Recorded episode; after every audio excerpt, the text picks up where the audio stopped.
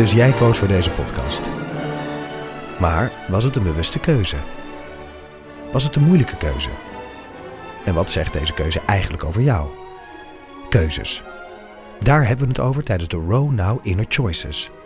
Een kort en krachtig concert met Maler en Frank. Een avond waarop experts je meenemen in drijfveren, twijfels en de gelijkenissen tussen keuzes in muziek en het echte leven. Kom 19 april naar het Residentieorkest in Den Haag. Een kaartje heb je al vanaf 20 euro. Hé, maar dit is een herkenningsmelodietje van een hele andere podcast, toch, Chris? Ja, dit is eh, de herkenningsmelodie van... Man, met de microfoon. Precies, een podcast, Chris, zeg het maar. Ja, vol echte en bijna echte verhalen. En wat is er nu bijvoorbeeld de laatste tijd in Man met de microfoon te horen? Eh, nou, verhalen rondom het bijzondere project Een Grote Bruine Envelop en mini-romcoms. Dus luister naar Man met de microfoon. Of Zet willen jullie, aan. nog, eh, willen jullie nog in de crew? Moet je nog acclimatiseren? weer dat vloer open. Oh ja, dat zou ik nog doen. Oh ja. Nee, Nee, ik blijf nu wel- ik blijf zo zitten, ik beweeg Ja, niet meer. Anders moet je die andere stoel pakken als je, dat, als je het heel oncomfortabel vindt. Het is jouw vloer. Het is jouw vloer, sorry. Nee, ik, ik blijf als ik, ik verroer me wel niet. Nee, dat is niet realistisch. Nou ja. Wat is het probleem? Moet ik er, er zitten geen filtjes meer De onder. filters zijn afgesleten. Wil je deze en dat ik dan Nee, maar ik kan toch zo blijven zitten. Ja, je kan blijven zitten, Ik maar blijf als, je, als jij nou heel erg... Blijf jij nou zitten, Pauline? Als dit nou zeg maar... Blijf nou zitten. Als dit nou, Hé, godverdomme. We hebben een familiediner. als dit nou allemaal oplaat tegen mij, dan denk ik, dan moeten we het even anders doen. Oplaat? Ja. Wat bedoel je oplaat? Ja, dat? spanning. Ja, Spanning? ja. Dat ik hier zo moet blijven zitten? Ja, en dat hij dan- En dat en ik dan- me daar dan schuldig over Eh, ja, en dat, dan, dat er dan onderhuidse steken Nee, komen. het gaat wel. Het gaat wel. dat, ja. ik blijf wel zitten. Hm? Ja, Die stoelen donderen ook uit elkaar onderhand trouwens. Nee. Ik kan wel heel moeilijk op deze manier bij de stroopwafels. Is dat goed of slecht? Staan echt voor je. Nou, zet dat ding aan. Dat is Oh, allemaal al goud wat er nu Ja, allemaal het is loopt wel. gezegd. Het loopt wel. Oh. Dit Dat is toch wel te horen aan het toneelmatige. oh, ik dacht echt van niet, want ik, ik zie daar niks. Nee, nee, dit loopt Oh, dat is nieuw. Ja, ja, ja, Dus dan praten wij toch normaal niet?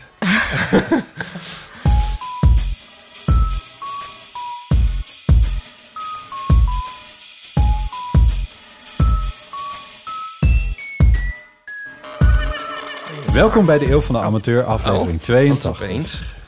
Met deze keer aan tafel Ipe Driessen Hardo. en Paulien Cornelissen. Fijn om hier te zijn. We gaan een hele tune omheen bouwen op een gegeven moment. Ja, Zo gezongen. Zo'n, fijn om hier te... ja, Ja, echt zo'n zo'n shout. nou, maar ik Fijn om hier te zijn. meen het ook echt. Ik ben Ja. weliswaar zo ongesteld als een deur. Maar toch, Oké. dat... eh, Wat moeten wij met deze informatie? ja, ik weet niet, ik dacht dat mag ook wel eens benoemd worden, toch? Ik vind het goed. Ik vind, Ja. het, eh, ik vind het wel stoer. op een gegeven moment dat natuurlijk ook... Ik denk ook op een gegeven moment... Ja, ik neem aan... Ja, op een gegeven moment wordt het ook gewoon iets van... Eigenlijk zeggen dat je niet in de overgang bent. Dus dat het eigenlijk Mhm. een soort stoer ding Een wordt. soort te zeggen. humblebrag Ja. is het weer. Zoiets, ja. Ik denk dat ik daar... Ik ben nu 42. Ik denk dat dat nog niet aan de hand is. Maar stel dat ik nou op een gegeven moment Over tien jaar. 46 jaar of, of zo tien. ben... dat het dan een humblebrag wordt. Wat Ja. zei je nou? 65? Nee, nee, nee, nee. Ja, als je 65 zit... Ja, is dan helemaal. Dan dat wat deur. Nou, Paulien. het zijn zeker? 46. Ja. Zou je niet 46. even naar de dokter? Ja. Denk ik. Weet ik veel. Je is echt nog te tellen hoeveel keer nog... Oh, sorry. Is dat... eh, Nee, dat is zo. Nee, er is dus aan het begin een beperkt aantal eitjes wat Ja. tot je beschikking is. En dat wordt zo gewoon afgeteld. Dat is heel heftig aan vrouw zijn. Ja. Zo, vrouw. het Het is op. Het is op, ja. Ja. Ik weet, niet met wat je nog gaat, zaadjes niet. ik weet niet wat je nog van plan was, maar ja. Ja. Ja. Ja, het is echt Oh een klok. Ja, ik bedoel, voor iedereen loopt de klok. Maar dit is een soort raar aftelbaar of zo, ja. Dit is waarom vrouwenlevens gek dat het- anders verlopen. Ja. Kijk, Ik het is denk- natuurlijk ook wel, wel goed, want het zou misschien ook niet verstandig zijn dat vrouwen van 65 nog moeten baren. Nou, nee, nou ik, nou, ik denk dat het wel fijn is dat een kind in ieder geval één ouder heeft die eh, wat langer meegaat nog. Of zo, ja, ik weet niet hoor. Ja? Ehm, Ja, nee, op die manier had ik er nog niet naar gekeken. Ja, ik, ik zag het gelijk aan het andere uiterste te denken. wat dan? Van een heel jonge moeder. Ja, ja. Oh, dat lijkt me ook niet zo Ja, ideaal. maar er is nog een Maar- uiterste. Dat is als het bij een man zou ophouden op een gegeven moment. Ja, maar dan En- zouden dat dus heel andere relaties worden, volgens mij. Maar dat dat heel normaal zou zijn. Hoe zou de wereld er dan uitzien? ja, dat gewoon- totaal dat, anders. een, dat een man na zijn... Wat is het? 45ste. Geen Ja. zaad meer produceert. Ja, zou echt anders zijn. Ja, maar hoe? Nou, ik denk, kijk, wat er nu volgens mij veel gebeurt in heteroseksuele eh, relaties, is dat dan er wel een keer willen ze wel kinderen, maar goed, die vrouw voelt dat toch eerder van ja, maar goed, dat, dat zou dan dus ook wel moeten.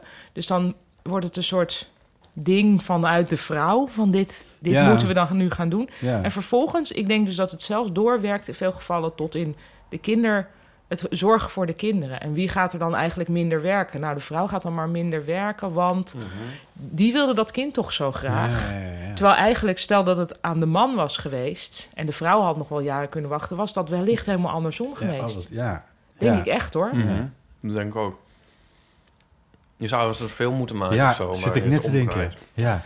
Ja, Ja. dat zou echt... eh, Nou, ik heb wel een keer een heel... eh, Ja, je hebt natuurlijk wel een keer een documentaire hierover gezien. Over, niet hierover dus, maar juist wel over ja, de verdeling van werk. En dat er dan een kind kwam en dat die vrouw dan toch... Ja, die man verdiende meer, dus dan ging die vrouw maar minder werken. Want dat maakte dan minder uit.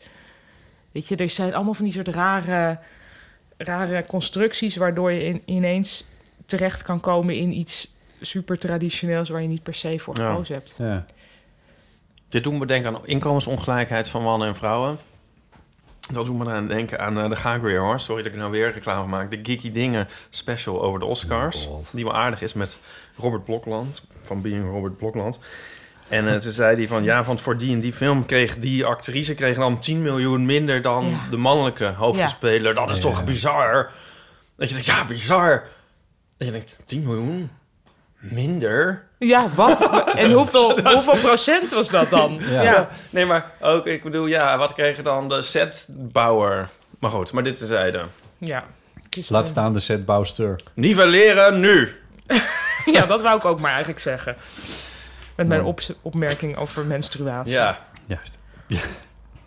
Wil je Ik meeschrijven aan de website van Deel van Ik Amateur? denk dat heel veel kan luisteraars nu gewoon, gewoon van gewoon het vol afschuw al hebben afgezegd. Ik heb nog... Afgezet. Ja? Ik heb, Ja, denk ik. denk je dat? Nee. Ik ik denk dat denk ze juist denken, wat gaan zij snel van versleten veeltjes naar menstruatie. Naar menstruatie. Maar ik heb wel ook nog een leuk idee. Een podcast met alleen maar mannen die over menstruatie praten. En dat noemen we dan menstruatie mansplained. Oh, dat lijkt me ook heel leuk. En dat ze eerst moeten uitleggen wat het eigenlijk is. Ja, ja. mansplaining menstruatie. Is een nieuwe podcast. Dit is Dag toch- en Nacht Media. Dit is, Ja, die kun je gewoon gaan doen als een dit spin-off. is toch gewoon de reclame van Libresse, waar je het nou over hebt? Menstruatie mansplained. Dat weet ik Ja, daar was toch laatst zoveel gedoe over? Ik weet van niks. Ja, nou ja, goed. Ja, ik weet ook niet precies waar het over Die gaat. Gillette-reclame, maar daar, maar daar hebben we het ook geloof ik al over gehad. Maar ik heb nu alleen maar reclames. Ik zie nooit meer reclames. Ik ook niet. Nee. Nee, ja, ik zie alleen gedoe over reclame. Ik, ik las dat Loekie de Leeuw terug was op tv. Toen dacht ik van nou, Las ik ook, ook niet nu gaat de gezien. Doomsday Klok echt heel ver vooruit. maar Wil, ja, wil je nou meeschrijven aan de website van Deel Oh, van dat Ja, dat moeten we aan het begin zeggen. Van Ja. Deel van Amateur. Dan kan dat. We Oh, want dan had je dus nu al menstruatie moeten opschrijven. Ja, met terug, spoel even terug. Begin dan opnieuw. En schrijf dan mee en schrijf dat op op onze website. Eh, op onze show notes wiki. eh, bedacht en gemaakt door Nico Naus. Eh, en dan lever je een bijdrage aan het archief van de Eeuw van de Amateur. En dus moet je ook nog even zeggen... Peter van de Elslinger wel eens 100 euro heeft betaald. dat was voor Soundcloud. Al die eindeloze credits. voor, dit is voor Nico.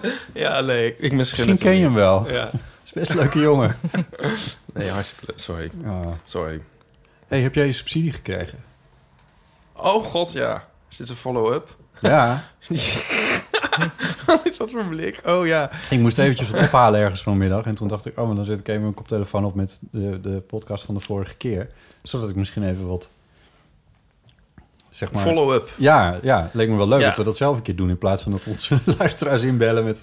hey, eh, Ja, nou, ik geef toe dat ik dus subsidie inderdaad in weerwil van mijn eh soort jeremiade eh, wel degelijk gekregen heb. Eh, tot me toch echt wel oprechte eigen verrassing. Ook al lijkt het dan achteraf misschien weer niet zo.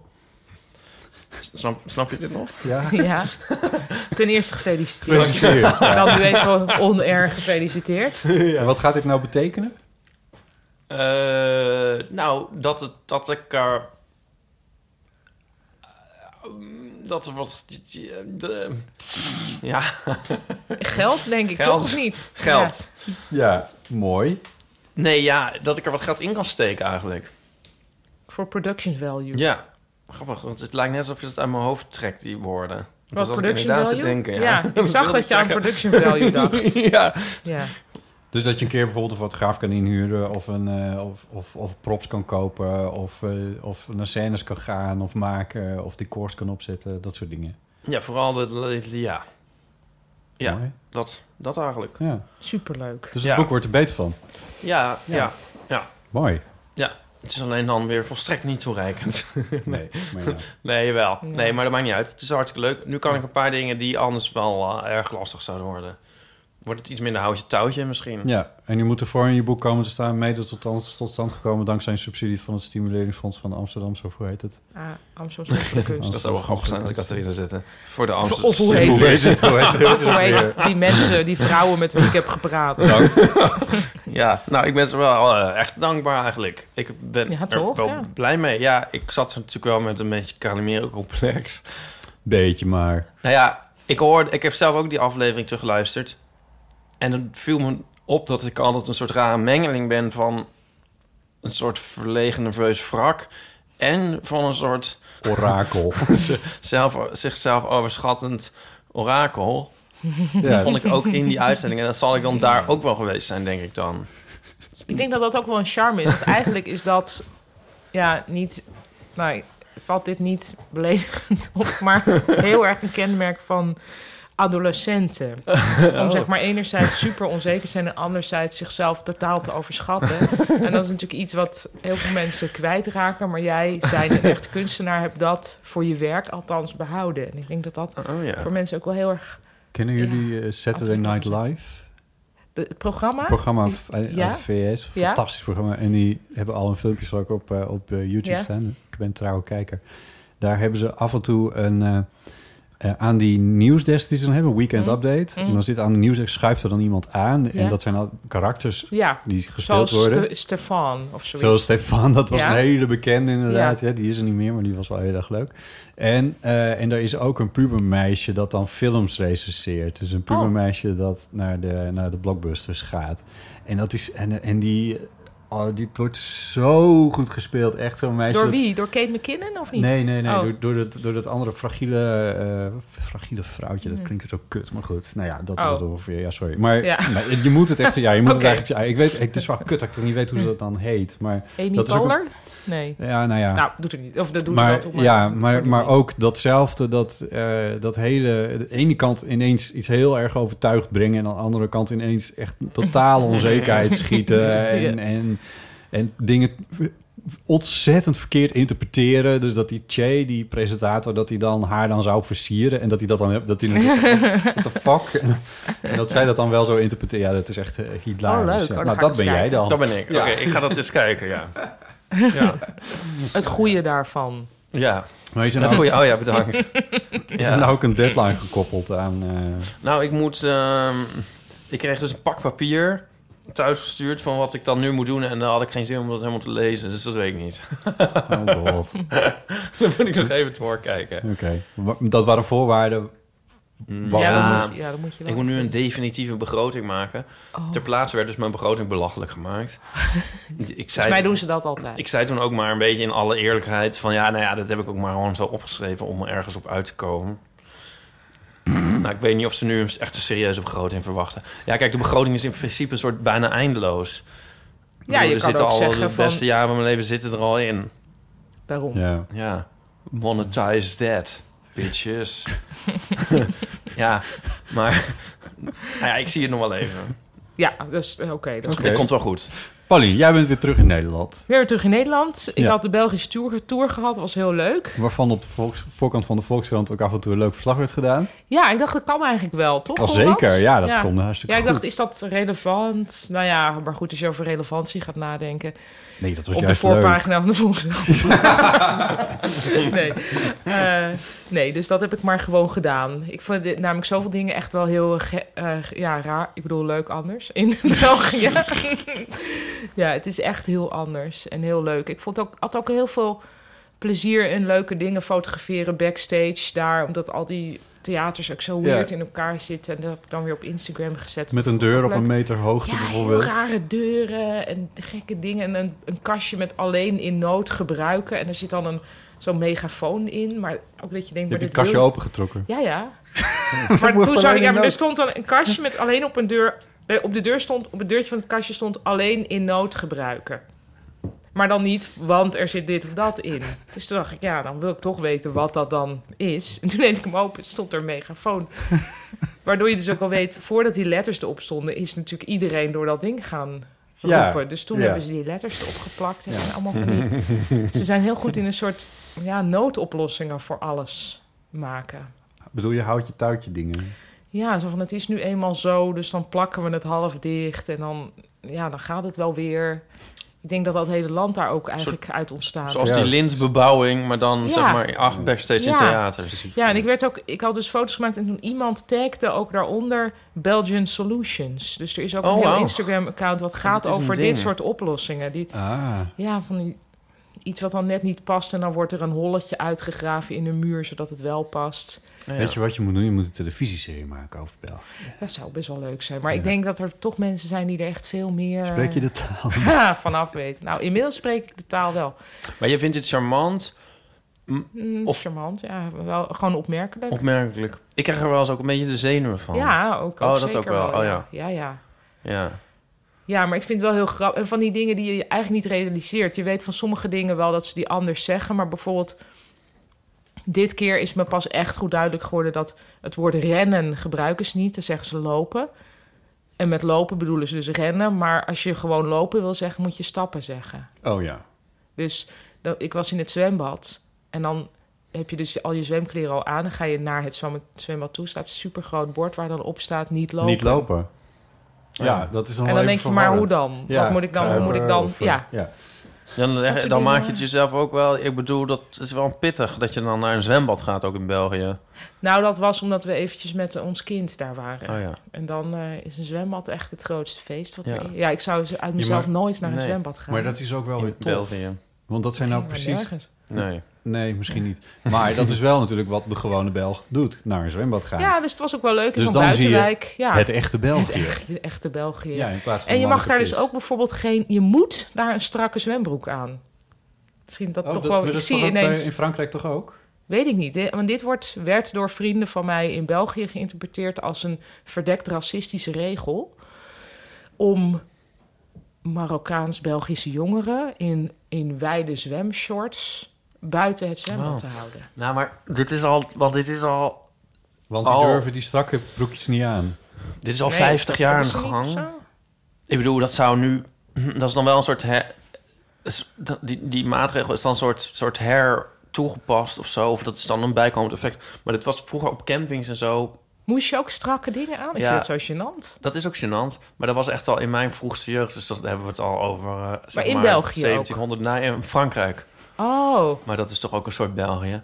En de uitleg daarvan was dan altijd niet van... Oh, want dan kunnen we de Marokkanen... nee, dat eh, is de officiële... Het gaat dan over hygiëne, zogenaamd. Nou, het gaat dan over dat je dan eh, die andere zwembroeken ook inderdaad niet in het zwembad aan hebt, maar Ja, dan ga je mee in het modderige gras liggen Ja. rollen... en daarna in het zwembad. Ja, Ja, het is, ik snap zoiets. het. Ja. Ja.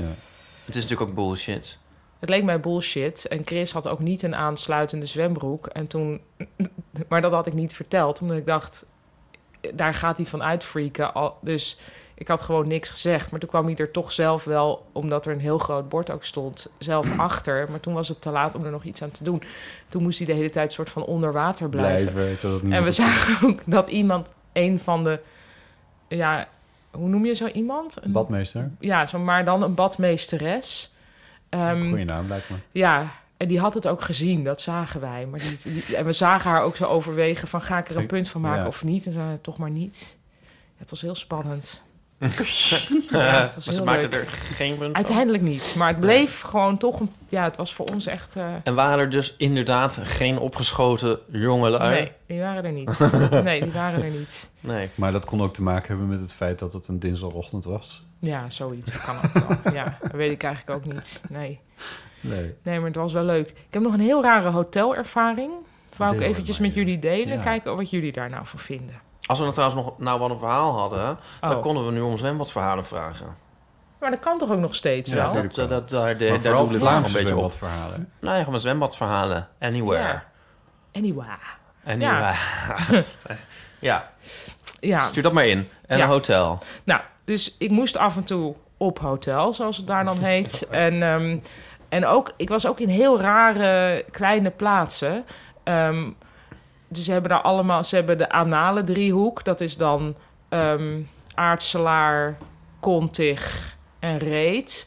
Eh, maar je hebt ook de marginale driehoek. En marginaal betekent in België, eh, zeg maar, tokkie-achtig. Oké. En dat is Aarschot, Diest en nou, no.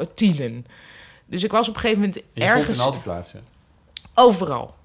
Eh, en, eh, en op een gegeven moment was ik op een, in een heel marginale plaats, maar in een, eh, in een, in een hotel. En toen, s ochtends, ging het brandalarm af. En ik zei van, oké, nou, ik geloof niet in brandalarmen eigenlijk. Dat is misschien niet Ik goed, geloof maar niet aan alarmen.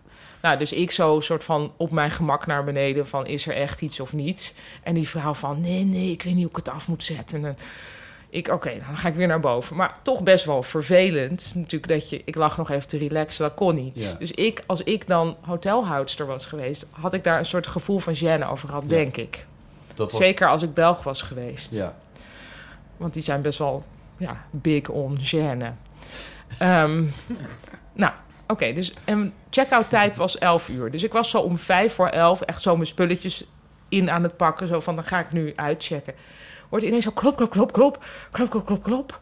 En ik van, wat, is- wat is, er, is er alsnog iets aan de hand? Dus ik deed de deur open en zei die vrouw, ja, maar weet u wel dat, ik- dat u om 11 uur moet uitchecken? En ik, ja, het is nu vijf voor 11. Dus ja, maar ik, want ik moet de kamer nog kuisen voor de volgende. Kuis. Ja. Kuisen, ja. En eh, ik, ja, ja. En toen zei ik zo, echt zo heel, ja, eigenlijk op mijn onaardigst van... ja, ik zal klokslag 11 uur de kamer uitstappen. En zei van, ja, ja, dan moeten we nog wel kuisen. En toen ging ze weer naar beneden. Oké. Ja. Nou, dus vond ik heel raar. Dus ik Ja. inderdaad klokslag 11 uur dan bij die uitcheckbalie. Toen ging ze minutenlang proberen de factuur op te maken. Dat had ze dus ook in die tijd kunnen doen. En toen vroeg ze alles naar wens. en toen dacht ik, had ik nu toch... ja. Ja, Kijk, nu ga ik er hier over zitten Dus klagen. soort Ja. Bandersnatch, heet dat zo? Nu kun je zo... Er zou je eigenlijk zo twee dingen moeten kunnen uitspelen. Dat je wel of Ja. niet klaagt. Want Ja. ik zei, wat ik dus heb gedaan, vind ik heel passief-agressief. Maar heb ik zeg maar 21, 22 in mijn hoofd gezegd en toen ja. Maar dat is natuurlijk nee. Ja. 21, 22 ja is nee. Maar Ja. toen dacht ik ook van ja. zij is hotelhoudster in echt best wel een, een kutplaats in België. Het is natuurlijk allemaal heel erg, Ja, denk ik. Ja. ja, dat lijkt me ook. Aan de andere kant, als niemand ooit dat tegen haar zegt, dat alles daar zo Ja. erg is, dan heeft ze zelf ook geen idee wat Ah, ze en verkeerd ook niet doet. alles was erg, maar ik vind het gewoon heel raar om voor uitchecktijd al te gaan kloppen. Ja. Of het wel duidelijk is dat je moet uitchecken. Dat is Ik toch heel gek, of ja, niet? dat is ook Ja. Nog gek. nooit Kwart over elf zou je eens moeten kunnen van... Dan nou, zou je van, is Ja. het wellicht aan Ja. uw aandacht ontsnapt? Ja. Ja. Ik had in jouw geval trouwens precies hetzelfde gedaan van 21, 22. ja. Ja. Ja, want ja, ik, websites hebben ook altijd die neiging hè, om je naar, naar een bestelling te vragen of alles naar wens is Ja, geweest en of je vijf formulieren wil invullen. Ja, doei. ik van ja, flikker op. Ja, dat doe ik eh, ook niet. Het leukste is als er zo'n... Maar dat is dan meer bij de douane of zo. Als er zo'n bord staat met, met lachende of droevige gezichtjes... waar je dan alleen nog maar een tik Ja, op hoeft te dat geven als schijnt je naar heel buiten goed te werken. Ja. Dat doen mensen wel. Dat vind ik ook heel Gewoon erg... groen of rood. Ja. Ja, heel erg Ja. humans of late capitalism vind ik dat. Ja, maar, ook- maar het is ook... het is misschien wel... Ja, maar het is misschien ook beter omdat niet persoonlijk. Want nu zou je... Nu, als je nu had gezegd van... Nou, ik vond het eigenlijk helemaal niet zo tof. Dan, we- dan zou het meteen ook weer persoonlijk worden. Terwijl je daar heb je op zo'n moment... Zit Ja, jij daar ook dus niet op te wachten. Misschien de echt verlichte persoon. Ehm, ik had dus ook nog, ik was net ook iets aan het luisteren toen ze aanklopte over compassie. Nou, dat had ik dus ook helaas niet meer toen. Maar Nee. ehm, ik denk dus dat de echt compassionele mens misschien op een heel aardige manier kan zeggen van... hey, Er waren een aantal dingen. zomaar een supertip. Ja. Ah, Zou het een soort idee van zijn? gestrest. Of is er wel, misschien is er wel iets. Ja. Van is er iets aan de hand waardoor u zo hysterisch ging aankomen? Ik hoor het toch een beetje theoretisch aan, want hoe ik, ik zou hier 100 cursussen voor kunnen doen en, en vijf jaar in therapie. Ik zou dit toch nooit kunnen. Nee. Ik zou toch al Nee, maar zou je het ook moeten willen kunnen? Ik dacht, ook, nee, ja, laat ook maar. Maar Maar ja, zou, ik Nee, denk dat zij het die vraag moeten zijn, hoor. stellen. ik ken iemand die dus... eh, die, alt, die we dus wel is van... I'm sure you're... Die is Engelstalig. I'm sure you'll appreciate the feedback. Oh ja. Terwijl ik altijd... I'm sure dat niemand appreciate the feedback. Eigenlijk. Maar in Amerikanen ook of? Nee, dit is niet een Amerikaans iemand. Nee, nee. Maar die kunnen dan natuurlijk wel. Ja. Je moet het ook, als je het in je hebt en kan, dan komt het ook misschien beter over. Als je zo van alles moet overwinnen en het Ja, dan als een soort, soort, soort Ja. tegen een Dat is een soort van- opduwt, Een komt exploderende bom. kan het ook helemaal Ja. fout aan. Ja. Altijd zo met zo'n matter of fact, liever, ja, dit en dit en Ja, dat en van dat. alles bevallen. Ja, nou, dat aankloppen was een beetje raar, maar verder allemaal zoiets.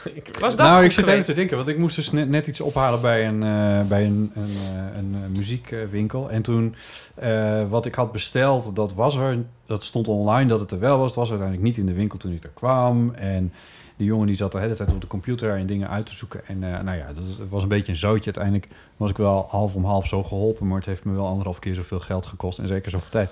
En toen zei toen, wat, toen, had hij wel in de dat is dan dus wel Ja. goed. Hij had in de gaten van dit is heel vervelend voor jou, dus het zei ook. En toen dacht ik, ja, ik heb eigenlijk ook omdat het een hele mooie blonde jongen was, dacht ik, ik ga hier niet een punt van maken. Maar ik zei wel Oh, van, het is ook vervelend voor jou. Dat vloog eruit voordat ik het in de gaten had. En toen, maar toen dacht ik, oh, dit is eigenlijk wel een slimme manier om hem toch te laten weten dat ik het ook niet leuk vind. Dat dit allemaal zo lang ja, ja. duurde. Klinkt ook wel licht dreigend. Want het is ook vervelend voor jou, want... ehm, Het is ook wel vervelend Jij voor bent jou ontslagen. en je vriendin en je familie. ja, Leuke muziekzinkwinkel heb je hier. Zou het zonde zijn als daar wat mee Ja. gebeurt? Ja, nee, nee, nee. Ik wist dat wel zo te channelen dat dat wel goed ging. eh, Ja. ja.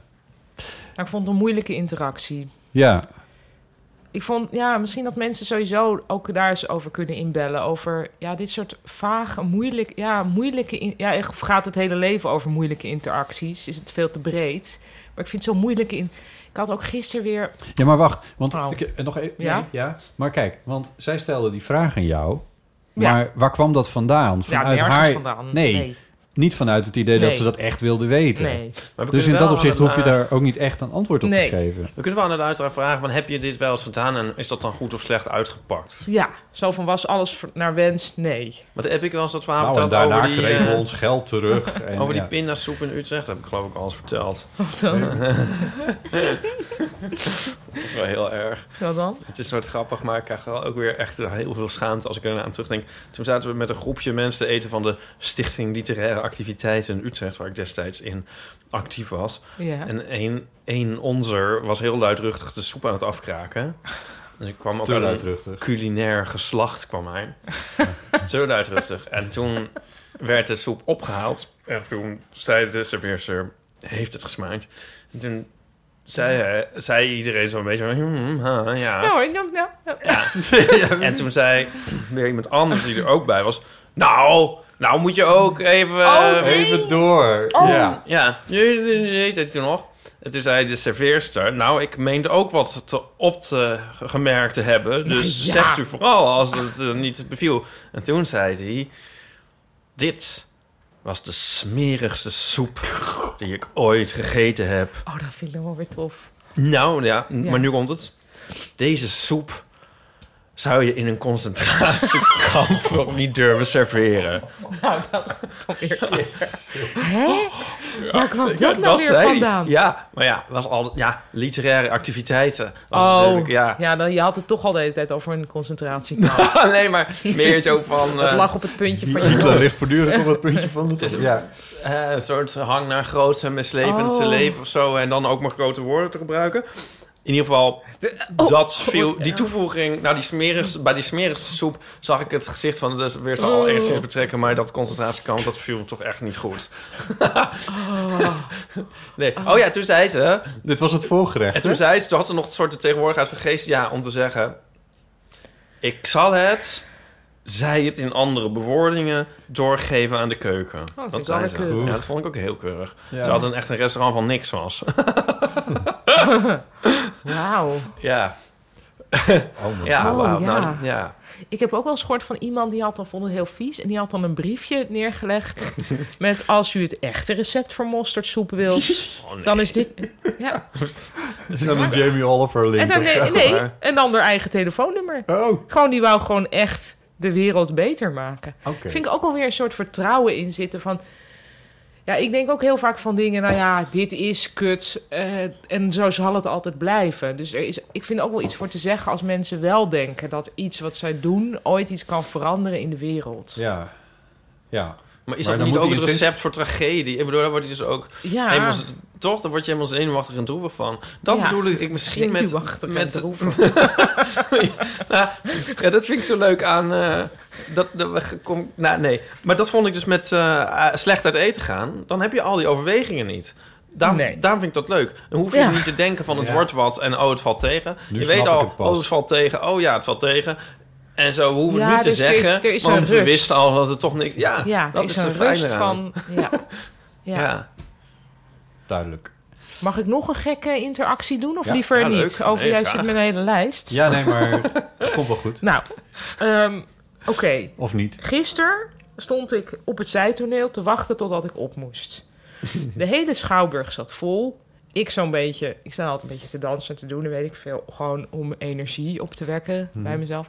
En, ehm, en toen kwam ineens een man naar mij toe die heel erg op Sinterklaas leek. maar dan zonder mijter. Maar wel met een cape.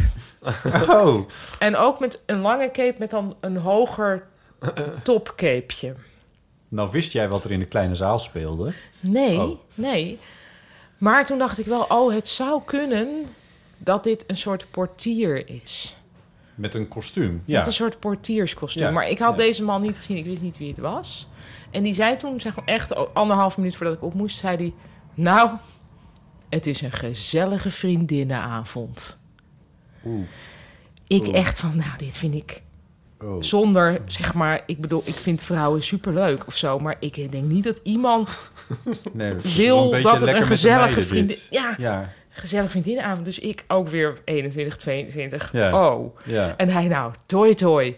Maar dat ik ook denk, maar wat, Wat wil je hier nou wat mee? wie, Ja, of wat was dit dan? ja. Is toch heel gek, of niet? Ja. En wat had ik dan moeten zeggen? Of was het weer maar wel weer goed? Met O.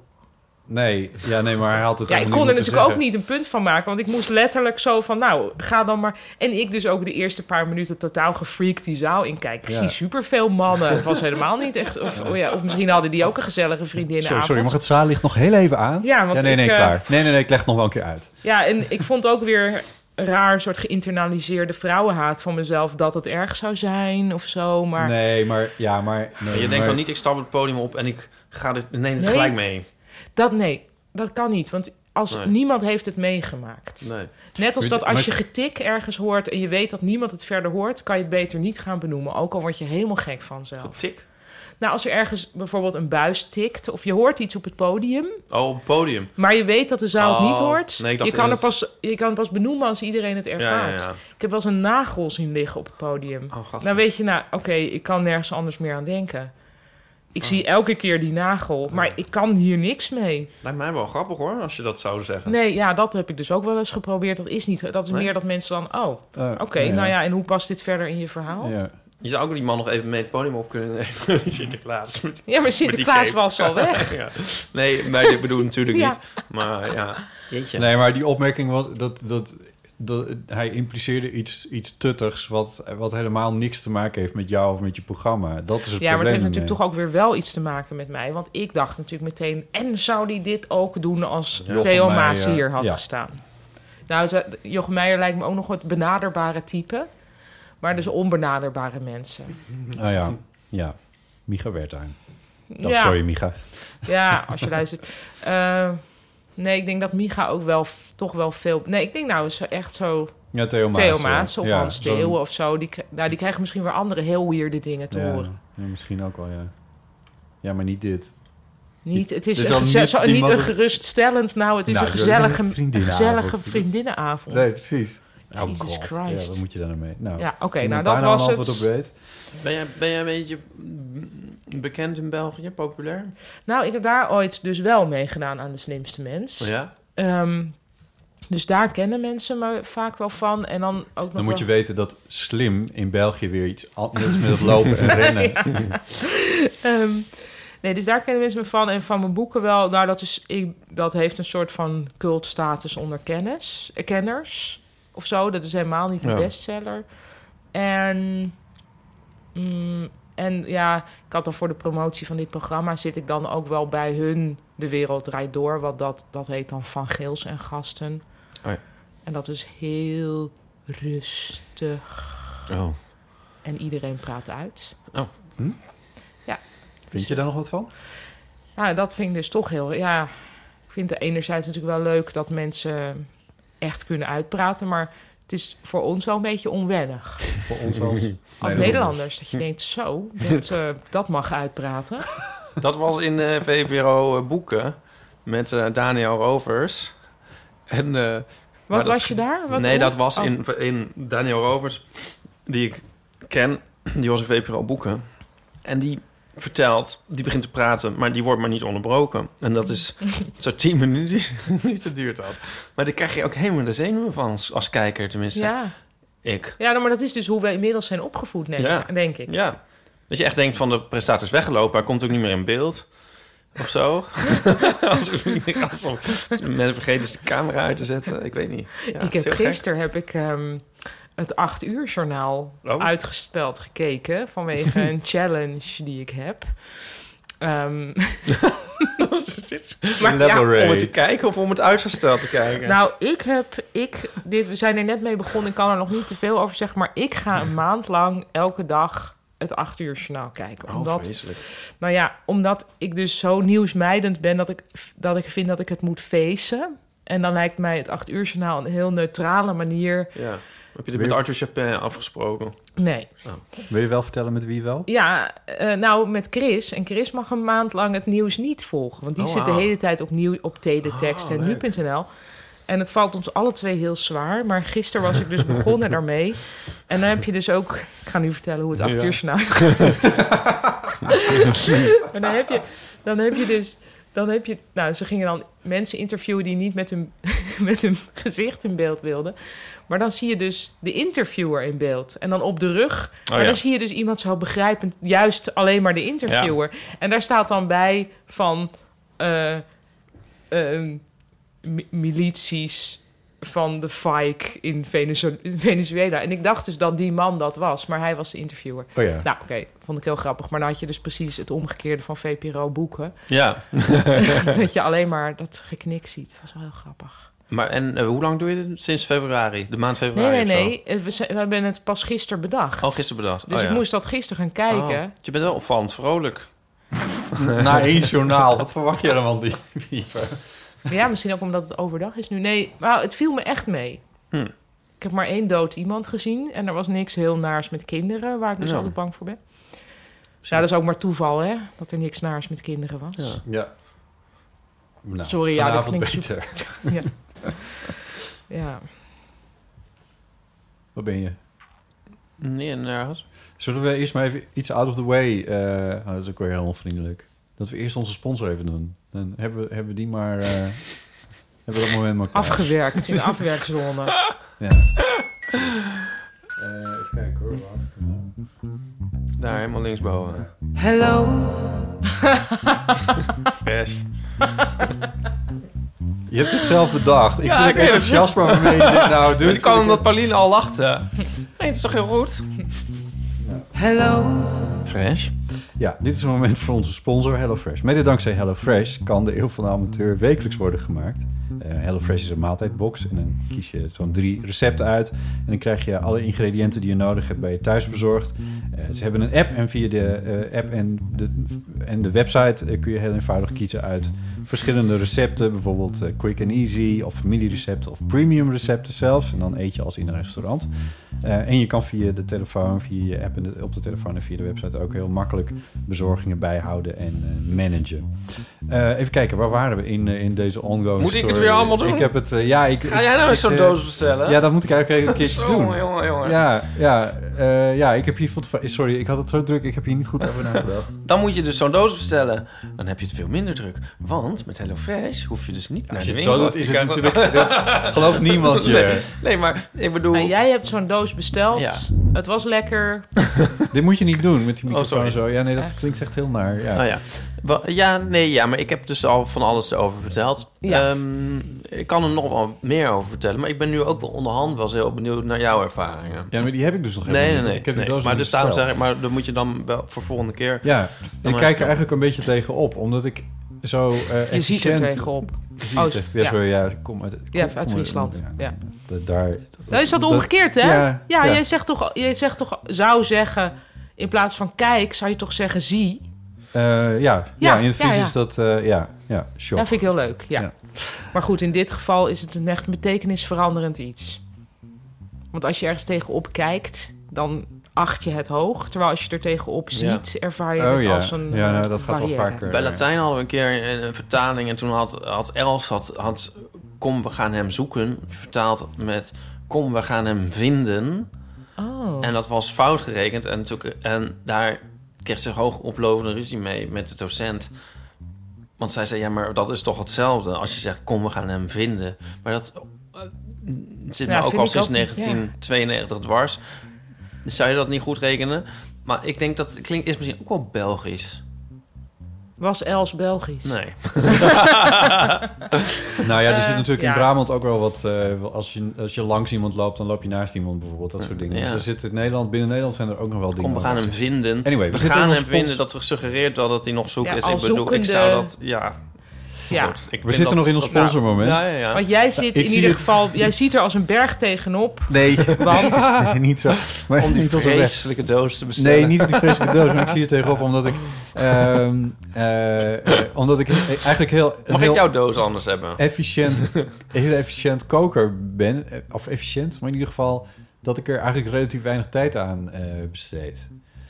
Ja. ja, dus jij bent bang dat je meteen allemaal dingen met sausjes en kruiden Ja, en moet doen. Terwijl dingen. jij wil gewoon aardappels bakken en een biefstuk en een komkommer. Ja, minus, minus de biefstuk inmiddels, maar ja. Oh, Ja. Maar het is helemaal niet moeilijk.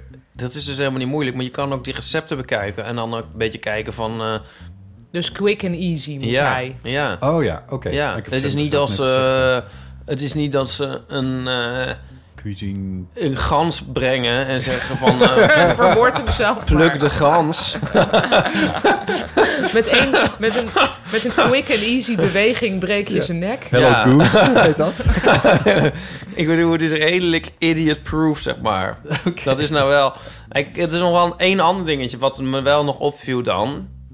Ehm, je moet een soort... Je wordt dus wel verondersteld bepaalde heel basale dingen in huis te hebben. Olijfolie, Bijvoorbeeld. Ja, maar dat heb ik wel. Ja, maar ja. zout wij en hadden peper. dus ja, zout en peper, maar wij- eh, dingen voor de sla. Oh, wat was het nou? Er was dus iets dat wij niet hadden. Vinaigrette-achtig iets of een, of Ja, een, een soort- wijnen zijn. Of, eh, Ja, een soort azijn iets. En nog iets anders. Oh, maar dat weet ik niet meer. Maar dat kan je volgens mij ook vooraf zien. Zaatar. Wat? Oh. Nee, niet. Oh, jullie zijn geen... Ja, Wijnsteenzuur. ik, Weet ik. Ja, nee. ik kook heel veel Ottolenghi eh de laatste Ja. tijd. En dan is, ah, zit er... Dan ga je op een heel natuurlijke manier praten over zaatar. Zaatar? Za, kommaatje, atar. Ja. Ja. dat is een soort Wanneer kruidenmengsel begint wat dit je natuurlijke overal... eh, praten? Precies. Ja, nee, ja, nu nog niet. Nee, maar ehm, je, dan vind je dat normaal. Nee, het was een grapje. Van, Ja. Maar Nee, sommige mensen vinden zaatar inmiddels best wel normaal. Maar goed, jij Ja. zegt, je kan dus van tevoren, krijg je wel te zien van, oh, dit moet je eigenlijk wel in huis hebben om dit te completeren. Geloof ik. Ah joh, maar dan mist er toch wat? Ja, dat maakt ook helemaal niet uit. Uit, Nee, weet, je de wel, weet je waar me ook een hele ervaring me aan deed denken? Aan dat je een soort gaat koken. Dus dat, zeg maar, dat de winkels al dicht zijn of zo. Of er is een noodtoestand afgekondigd. Wanneer zijn de winkels in Amsterdam dicht? Er is noodtoestand uit- afgekondigd, Ja. mag niet meer naar buiten. Zo, je hebt je been gebroken, je kan niet meer naar buiten. Het is wel eens, eens in het jaar ongeveer, dat je dan denkt... Maar dan kijken we wat we nog in huis hebben Ja. en dan maken we daar wat van. Dat noemen wij altijd ready, steady, cook. Ja, nou, Van is dat- dat niet het leukste? is is dat niet elke jaar? Is dat het, is het hoogtepunt van eh, ieder jaar als je dat gaat Ja. doen? En dan wordt het ook altijd super lekker. En dan krijg je iets heel geks. En dat een beetje dat gevoel heb ik met die, met die Hello Fresh. Heb je zo die doos? Dat met- is in huis. Ja, je hebt het er maar mee Ja. te doen. Ja. Daar doe je het mee. That's it. Ah, ja. En dat is best wel leuk. En je houdt dus ook niks over. Dat is ook wel geinig. Zo van, dat is dus ook al met dat Ready Steady Cook. Dan Ja. neem ik dat even over. Dan is het ook, dat ruimt ook heel lekker op. Ja. Dat vind ik ook heel fijn. Oh, ja. Want dan ga je zo, anders ga je zoiets koken met, en, dan, en dan zit je weer met de helft over. En dan denk je, moet ik het morgen dan weer maken of ja, zo? dan, moet je dan, dan heb je Ja. die halve selderijknol voor de erwtensoep... Ja. en dan moet je de volgende Precies. dag ineens selderijknolsoep. Precies. Ja, daar had je dan geen zin meer in. En, met het, en hiermee kun je dus heel lekker, wat ik altijd noem, opruimend koken. Dat vind ik echt heel fijn. Opruimend koken. Opruimend koken. Goed. Je dit nou ook proberen? Ga naar www.hellofresh.nl slash podcast en ontvang 50% korting op je eerste box. Superwervend. Zullen we... Wat, waar hebben jullie zin in? We zijn eigenlijk al heel... Eeuwofoon. Eh, ja, laten we het gewoon lekker doen. Toch? Ja. Niet? Ja. Ja. 06 1990 68 71. Maar u kunt ook de plaatselijke politie bellen. Ehm, laten we beginnen met iets wat ik, hier- waar ik heel veel zin heb om jullie te laten horen. Even kijken. Hallo, lieve vrienden, met Geeske. Ja. Want het is alweer eens even de hoogste tijd om even een levensteken van mezelf te geven. Oh. Ik moet even zeggen, het gaat goed met mij. Ik Yes. ben druk in de revalidatie. Eh, drie keer in de week ga ik nu naar het MCL om eh, naar mijn hartingrepen te, te revalideren. En het gaat hartstikke goed. Wordt ook nog even bedankt voor je lieve wetenschapsberichtjes. Zeer gewaardeerd. Leuk dat Pauline er deze keer ook weer bij is. Ja. Hey Geeske. Ik heb weer genoten van al jullie afleveringen. Ook de laatste keer bij het eh Vondel CS. Oh, wat, wat had ik daar eigenlijk graag bij willen zijn. Eh, Ja. Bij al die volgers van jullie. Bij al die enthousiaste mensen. Maar hartstikke leuk geleken. Ook de keer ervoor met Teun van Essen vond ik ook heel erg leuk. En ik ben hem vast wel eens een keer tegengekomen. Ten slotte heb ik ook 16 jaar in Amersfoort gewoond.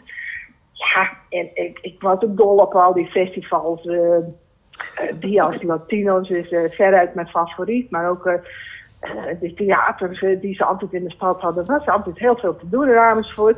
En onze kinderen, dat is wel heel leuk. En die gaan nog altijd naar Festivoort. Dat is één keer in het jaar. En dan eh, vroeger dan sliepen ze bij ons. Maar nu eh, eh, bespreken ze speciaal nog voor een hotel. En dan blijven ze daar een nachtje over. Dus superleuk. Goede herinneringen aan Amersfoort. Jongens, ik wens jullie, ik heb verder niet een, een speciale vraag of zo, of een opmerking, maar gewoon veel plezier weer met de opnames. En ik hoop jullie snel een keer te zien. Doei! Ja. Dankjewel, Geeske. Dankjewel Geeske. Ja. En, eh, hey, eh, wat vind je van Piet Paulusma, die je dus uh, Uitgeknikkerd wordt bij, eh, uitgebonjourd wordt? bij SBS, inderdaad. Ja. nou, ik begrijp dat Max al interesse heeft. oh, echt? Oh, Ja, eh, ik, eh, hoe heet het ook alweer? Jan eh, Slager, voor het hij? Ja, Sla- Slachter. Slachter, ja. Die, eh, die wilde al een keer op de koffie in Harlingen. Ah. Of Franeker? Nee, Harlingen. Eh, bij, eh, bij Piet Paulus. Maar ja, wat vind ik Oh. daarvan? Eh, ik weet niet, ik, ik, ik, ik heb geen SBS hier, Oh. dus ik, ik zie het nooit. Maar, eh, Maar je hebt ook niet een soort warme, dan ja, ik heb juist wel warme koude gevoelens bij, bij Piet Paulus. Nou, maar kijk. hij, is natuurlijk al veel langer... is hij de vaste weerman van uh, Omroep Friesland. Ja. En toen ik bij Omroep Friesland werkte... wat inmiddels ook een halve eeuw geleden is... Uh, toen heb ik hem ook wel een paar keer ontmoet. En ik heb hem onder andere een keer geïnterviewd. En het is echt een heel erg aardige en warme man. Leuk. Die, uh, ja, dus Ja, wat zit, is zijn temperatuur ongeveer? Sorry, ik Dus- voelde hem eigenlijk Dus al speld had aankomen. gisteren een berichtje van... uh, ja, er is, uh, omdat Pipadas maar uh, stopt, is er een minuut windstilte. Ja, oh ja, dat zag ik ook. dat Ja, vond wel. ik dan toch wel weer grappig. Ja, nou ja, ik vind het wel jammer. Vond- hij was er zelf vooral ontdaan over dat het na 23 jaar ophield. Hij zei, ik had graag de 25 volgemaakt. Mm. Ja, Nou, maar goed. misschien kan hij hier nog een keer het weer komen doen. Ja, dat zou eigenlijk best leuk zijn. Ja, toch? ik zou het best leuk Het weerbericht in een podcast. Dat is ook heel... eh, Ja, dan moet je dus ook een soort het weer van zo min of meer deze maand doen. Zal ik het weer van deze maand doen? Regen. Ik wou zeggen, kut. Ja. Ja, nou ja, voor februari is het misschien ook niet zo moeilijk. Ehm, ik heb een aantal berichten binnengekregen over eh, zelfbedachte woorden. Dat is alweer even een paar afleveringen geleden dat we het daarover hadden. Oh ja, over van die familiewoorden. Familiewoorden, dat ja, ik soort heb daar ook nog wel een van. Ja. Eh, we hebben daar eh, eh, drie berichten die daar eh, over gaan. Eh, Ja, Zullen we daar gewoon even lekker naar Superleuk. luisteren? En dan, eh, even kijken hoor. Eerst is, eh is Diederik. Hallo, Bob en Diepe en eh, eventuele gast hier, eh Diederik Broekhuizen. ik ehm, belde even over eh, het verzoek om woorden die je gebruikt, die wellicht niet bestaan of ehm, die je zelf bedacht hebt, of die je voor dingen gebruikt. Had namelijk rondom mijn studententijd echt een gigantisch vocabulaire van woorden eh, die ik graag gebruikte die niet bestonden. En inmiddels is het wat minder, maar ik heb er nog een paar die de tand destijds wel overleefd hebben. En eh, ik dacht, ik deel ze even. Ehm, ten eerste is een eh, verspierde man, iemand die heel veel met sport bezig is en richting anabolenachtige lichamen heeft. Dat is een uh, pompie. Dus iemand die Pompie. opgepompt is, dat heet een, een pompie. Ehm, dan heb je als iets gezellig is, gebruik, eh, of leuk, of het was echt een leuke avond, dan eh, noem ik het nog steeds wel vaak joie. Dus van joie de vivre, Oh ja. dat was joie. Ehm, en dan hebben we natuurlijk Akkie, eerder besproken bij jullie in de podcast, maar een Nederlandse versie van het ongemakkelijke woord awkward. Ehm, ja, heel veel dingen op Enka, Lenka, Penka. Dus, goh, wat ben je toch een Mashenka, een Palenka. eh, dingen met een beetje een Russische toon. Klinkt gezellig, een beetje zoals eh eh, Ipe dingen push noemt, dat doe ik ook graag, of push rond. Heb ook graag dingen op Enka. Dus, eh Oh. wat een uh, Malenka ben Patenka, Sashenka. Dan het woord voor een beetje communistische alternatieve Spanjaard, zeg maar uit het Baskeland met zo'n eh, draadje haar in zijn nek. Dat noem ik graag een shanky. Want dat zit je lekker op de grond te schenken. Dat is dan een, een shanky met, het, met, het, met zo'n hond erbij. eh, ehm, ja, Wat is dus schenken dan? Niet per se echt een beledigend woord, gewoon eh, om het even aan te geven wat dat is. Daar zit een shanky op de grond met een blik bier en een hond eh, te genieten van een eh, eh, ja, van het moment. Vooral niet op zijn telefoon kijken, want dat doet een shanky niet te veel. En dan nog tenslotte troedelen. Als je lekker gezellig met elkaar op de bank aan het troedelen bent. Even lekker troedelen. Oh. Dat zijn wel wel leuke woordjes. Ja, Ja, ik had nog gehoord... Ik dacht maar dit, dit, dit bestaat... Sorry hoor. Ja? nee, Oh, zo, ja? nee, Ja? nee, sorry. Maar dit, dit bestaat dus waarschijnlijk allemaal in een soort vriendenclub... die Ja. dat gewoon allemaal gebruikt, neem ik aan. Ja. ja. Nou, mijn ouders die kwamen er op een gegeven moment achter dat mijn broer en ik, ik weet het zelf niet meer, maar wij noemden consequent een kleerhangertje een basso. Dus nu eigenlijk is het ook nog wel in mijn hoofd eigenlijk een basso, maar ik zeg het nu. En weet je nog waar dat vandaan Nee. Maar er was gewoon Ja, consequent, is was te de doen. basso. Die nootjes en, en jij. Dit, Ik vind er heel warm vanaf. ja, nee, maar dat... Nee, maar nee. Nee, nee, daar is die microfoon te goed voor. Ipe. Dan moet je even muten tijdens dit. zijn nu op, dus dat scheelt weer. Misofoon, mijn misofoon. Ja, ik, zal, ik zal vervolgens... Ik zal, mijn, ik zal de borrelnootjes wel even weken van tevoren. Ik heb het honger. Nou, nu gaat het. Ik had al vijf stroopwafels op.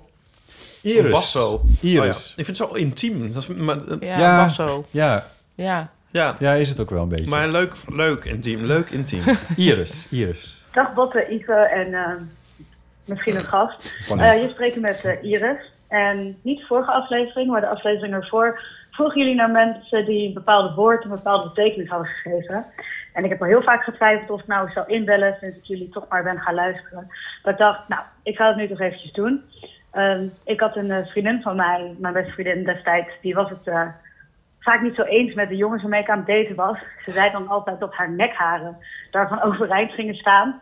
En op een gegeven moment ehm, wa- wa- verbasterde dat een beetje nadat ze zei... eh, ik krijg er nekharen van. En daarna werd het op een gegeven moment dat ze zei... hij heeft nekharen. Als was dat hij, ehm, ja, dat zij hem vervelend vond. Zo'n jongen. En nu was het zo dat met mijn huidige vriend zei ik... hij heeft geen nekharen, hè? Waar hij bij stond. En zij zei ook... nee, die heeft hij inderdaad niet. Wat iets positiefs was. Maar mijn vriend die greep al naar zijn achterhoofd om te voelen wat we daarmee bedoelden. Dus eh, ja, ik dacht dat was misschien wel een leuk voorbeeld voor jullie rubriek. Ja. En dan was er nog iets anders wat ik eigenlijk wel wilde stellen, want dat vond ik wel grappig. Uh, naar jullie aanleiding met ehm, de aflevering met Arthur Chapet, dacht ik, hé, hey, ik heb ooit nog opgetreden op een festival. Festival Mooie Woorden Utrecht. Met Arthur Chapet, toen ik echt heel veel jonger was. Ik was volgens mij echt 14. Um, en ik vond daar een oud programmaboekje van terug. En wie was daar ook? die editie, Ipe Driessen. Toen dacht ik, nou, wat is dit een kleine wereld? En dat wou ik eigenlijk al een tijdje met jullie delen. Dus uh, bij deze. Volgens Grotere mij... ogen hebben we Ipe nog nooit zien krijgen. Maar meer door, door hoe Pauline reageert. Nou, volgens mij, ja, was, ik heb een soort van mentale lijst van festivals... waar ik ooit wilde optreden, maar wat niet mocht. En volgens mij zat mooie woorden daarbij. Oh. Niet mocht? Ja. Echt? Nou ja, um, gewoon niet, zeg maar, niet belangrijk genoeg geacht werd. Oh. Wat natuurlijk prima is. Maar daar heb ik dan toch een wat soort grappig, van... echt? Om, om dan... Uh, jij houdt zo van ronde dingen. Want ik had het net over de Stichting Literaire Activiteiten Utrecht... waar ik ooit actief in was Lekker en in welke hoedanigheid Ja. ik dus de smerigste pindasoep van de wereld. Ik vind pindasoep zo- sowieso heel vies. Ehm, de- ja, dus, dus vanuit daar kwam dat dan, denk ik. Was ik inderdaad betrokken ooit bij de organisatie van Festival Mooie Woorden. Maar ik kan me niet herinneren daar iets zelf gedaan te hebben. Ik maakte de poster en zo en dat soort dingen. Volgens mij. En ik weet nog dat ik een aanvraag kreeg van een van de Paulien Cornelis. Of die Ja, en dat ik zei oh, van nee, dat moeten we niet hebben. monster? dat in Ja. godsnaam. Oké, onze aller over mooie woorden gesproken. Teun. Hey Botte en Ipe. Wat een ontzettende eer dat ik bij jullie te gast mocht zijn eh, in januari. En Paulien. Eh, ik heb wel geleerd dat een podcast maken toch eigenlijk nog wel een heel eh, serieus vak is. En dat vooral je mond zo nu en dan houden en een beetje to the point zijn, dat dat niet Daarom mijn beste kant nu. is. Maar eh, chapeau daarvoor. Ehm, ik bel toch nog één keertje in. Oh, is het misschien een beetje een overkill, omdat jullie eh, van die woorden willen hebben die alleen... ehm, die je alleen maar in je eigen familie of binnen vrienden of zo gebruikt. En daarover had ik nog wel een geinig verhaal. Ehm, wij hadden vroeger, toen ik klein was, toen hadden, ha- hadden mijn ouders een, een vriendin en die heette Litwina.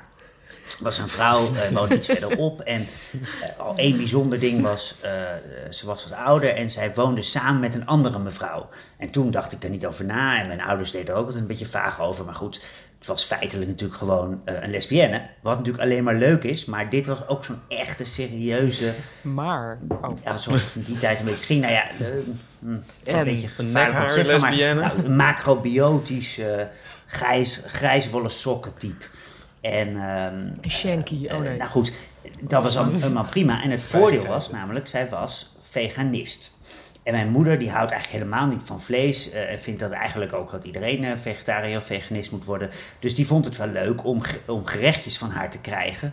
Eh, zeker omdat in die tijd, weet je, als, als veganist of zo, dan had je bonen en dat was het ongeveer. En verder had je niks in restaurants. En dus leuke recepten, die waren er bijna niet. Nou, deze Litwina had dus een recept van mijn moeder. Eh, en dat was met bonen, met rijst, met ehm, eh, ananas, met eh, rozijnen. Goed, ananas. Nou, van alles en nog wat zat erin. En currypoeder weet ik ook. Oh. Ehm, ja. En dat was dan een gerecht wat eh, zij als recept van, haar moeder, van, van, van Litwina had gekregen. En dat vonden wij dus super lekker. Laat ik dat even vooropstellen. Dus wij waren helemaal fan van dat gerecht. En wij vroegen dan dus ook altijd: eten we vanavond weer kots van Litwina? Want dat was het enige nadeel van het gerecht. Het was heerlijk, maar het zag eruit als kots. Dus zodoende, de beroemde term bij ons is nog altijd kots van Litwina. Ja, de overkill is niet mogelijk bij Teun, toch? Nee. Nee, nee. Wij hadden ook zo'n gerecht, dat heette dan niet kots, maar wij hadden ook zo'n gerecht wat inderdaad zo'n eigen naam had gekregen. Ja, Ja, wij ook, ja. Ja. Wat hadden jullie dan? Oh. ananasspul. Ah, Ja, Maar ik Maar wil dus echt heel zeggen, lekker. ana- Als, als ik dus één ding nou ja, niet oh, kan eten, is het ananas. oh ja.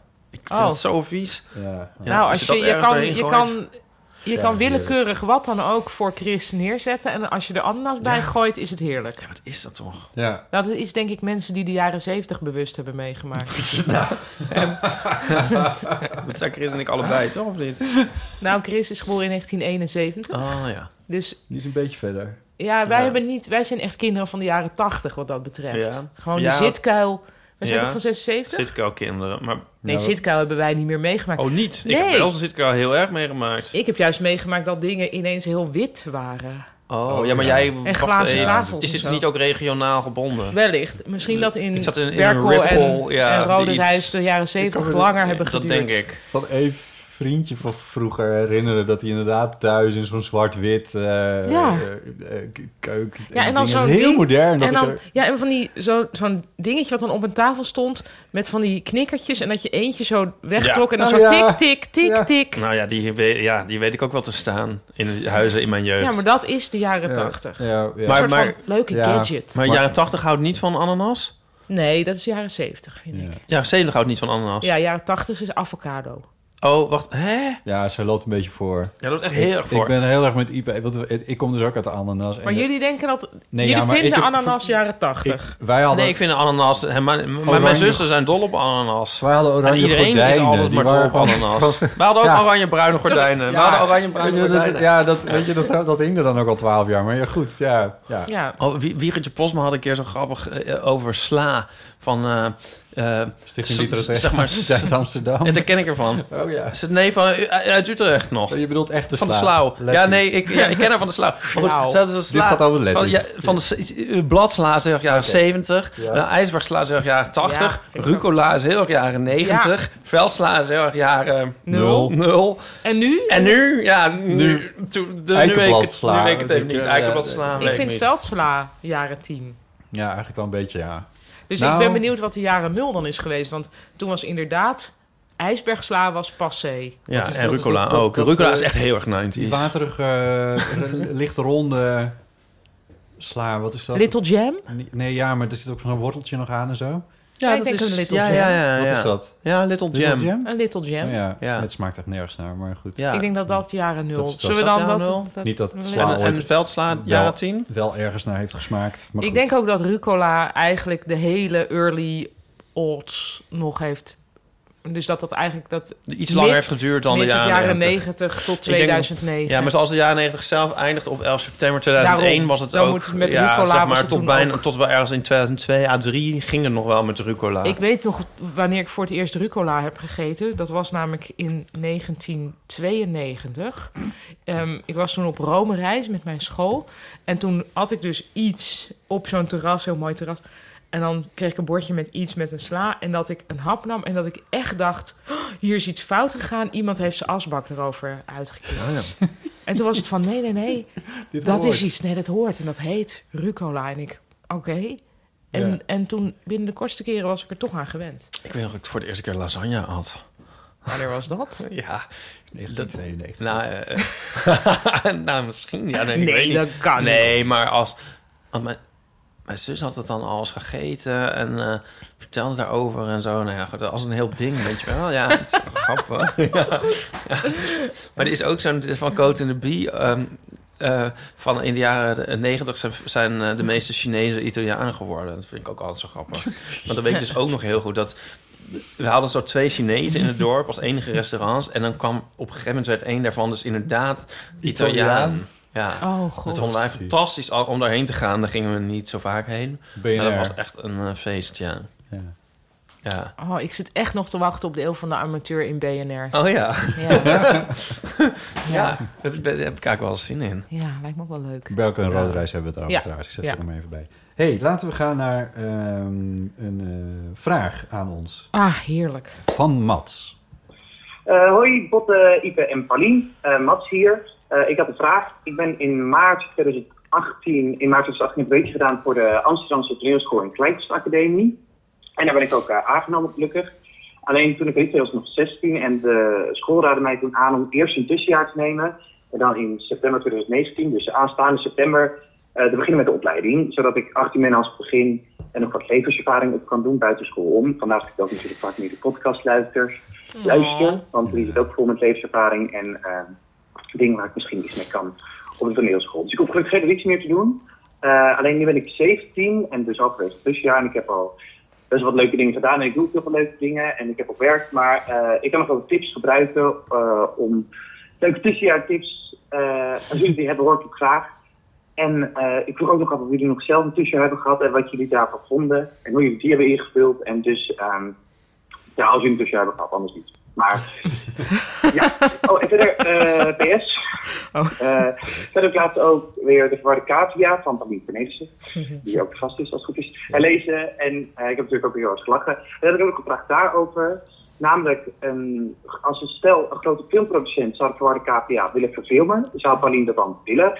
En stel, het zou moeten, dat, dat, dat de verwarde KPA gefilmd wordt van God of van eh, de overheid of iets eh, dergelijks. Eh, zou de KPA dat gespeeld wordt door een echte real-life KPA, die is afgetraind en alles, of gewoon door een mens of door een soort geanimeerde KPA? Of nog een heel ander idee wat ik niet kan bedenken. Nou, jullie podcast is fantastisch. Eh joejoe, eh groetjes. Doei doei. Dankjewel, Mats. Joejoe.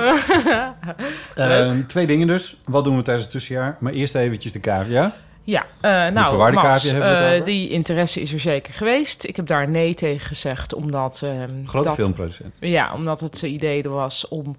eh, of degene die dat wilde, die zei... ja, ik vind Cavia zo'n herkenbare vrouw. En toen zei ik, nou, het is een cavia. Toen zei ze, oh. Ehm, dus, eh, ja, dus dat wordt toch anders geïnterpreteerd door sommige lezers. Eh, de enige, ja, wat ik dus zie... Wat mag, dat mag. ja, mag dat, allemaal dat mag allemaal Ja. zijn. Die andere film was wel een eh, groot succes. Oh, sorry. Oh nee, ik moet eigenlijk weer Oh, wat gemeen. Geen commentaar. Ehm, Oké. eh, eh, nee, oh, Mats. Als je de film Anomalisa een keertje opzoekt... dan moet je die eens bekijken. Anomalisa? Ja. In welke Gemaakt door... dat? In het Engels. Gemaakt door Charlie Kaufman. Volgens mij. Die ook de briljante film Adaptation heeft gemaakt. Ja, dat is een Vind echt ik echt een fantastische Dat vind ik ook film. een heel Nou, film. die heeft dus ook een geanimeerde film gemaakt over mensen. En dat zijn dus poppen, maar die lijken best wel op mensen. En toen dacht ik, en toen ik dat zag, dacht ik, ja, met precies deze sfeer zou je een verwarde cavia film kunnen maken. Waarbij alle mensen ook poppen zijn, maar duidelijk wel mensen. En Kaaf dus ook een pop is. Dat, dan zou het kunnen. Hm. Maar dat is meteen van het budget wat hier niet bestaat. Nee. Dus dat gaat nooit gebeuren. Maar dan Amsterdam hebben zonder kunsten. Ja. Ja. Dan Nog een keer, bah! over, een, eh, over een animatiefilm hebben we het dan dus, Mhm. eigenlijk. Dus stel nou dat een tekenfilmproducent jou zou benaderen. Ja, teken, ja, nou, dat, dat zou ik nog wel over na willen denken, ja. Maar iedereen die, die het als een mens wil laten spelen, die, die zou ik dat niet laten doen. Ik vind eigenlijk als je geen kleren bij de Primark koopt... dan moet je ook geen tekenfilms kijken. Waarom niet? Ja, omdat die animatoren die zitten allemaal voor een hongerloon in Aziatische landen. Oh!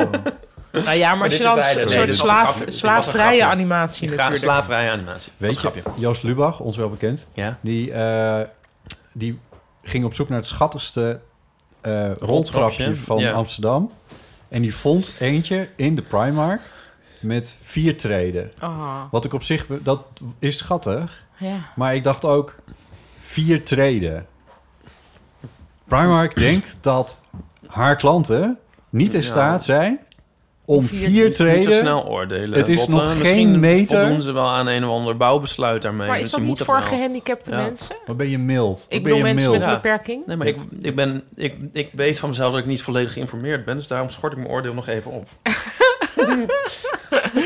Oké. Ja, That's a first. Ehm, Tussenjaar. ik zou, als ik 17, Tussenjaar. als ik weer 17 was, een tussenjaar, tussenjaar zou ik alle drugs proberen. Oh, houd Houd toch eens op met die drugs. Wat een grapje! Oké, maar heb je een tussenjaar nee, gedaan? nee. Botte, heb jij een tussenjaar gedaan? Ja. En wat heb je toen gedaan? Ik heb eerst een... ehm, nou, het was, een, ja, was het een tussenjaar? Het was een tussen half jaar. Maar goed, dat heeft Mats ook. Want Mats begint in september met... Nou, die is nu met een tussenjaar bezig. Ja.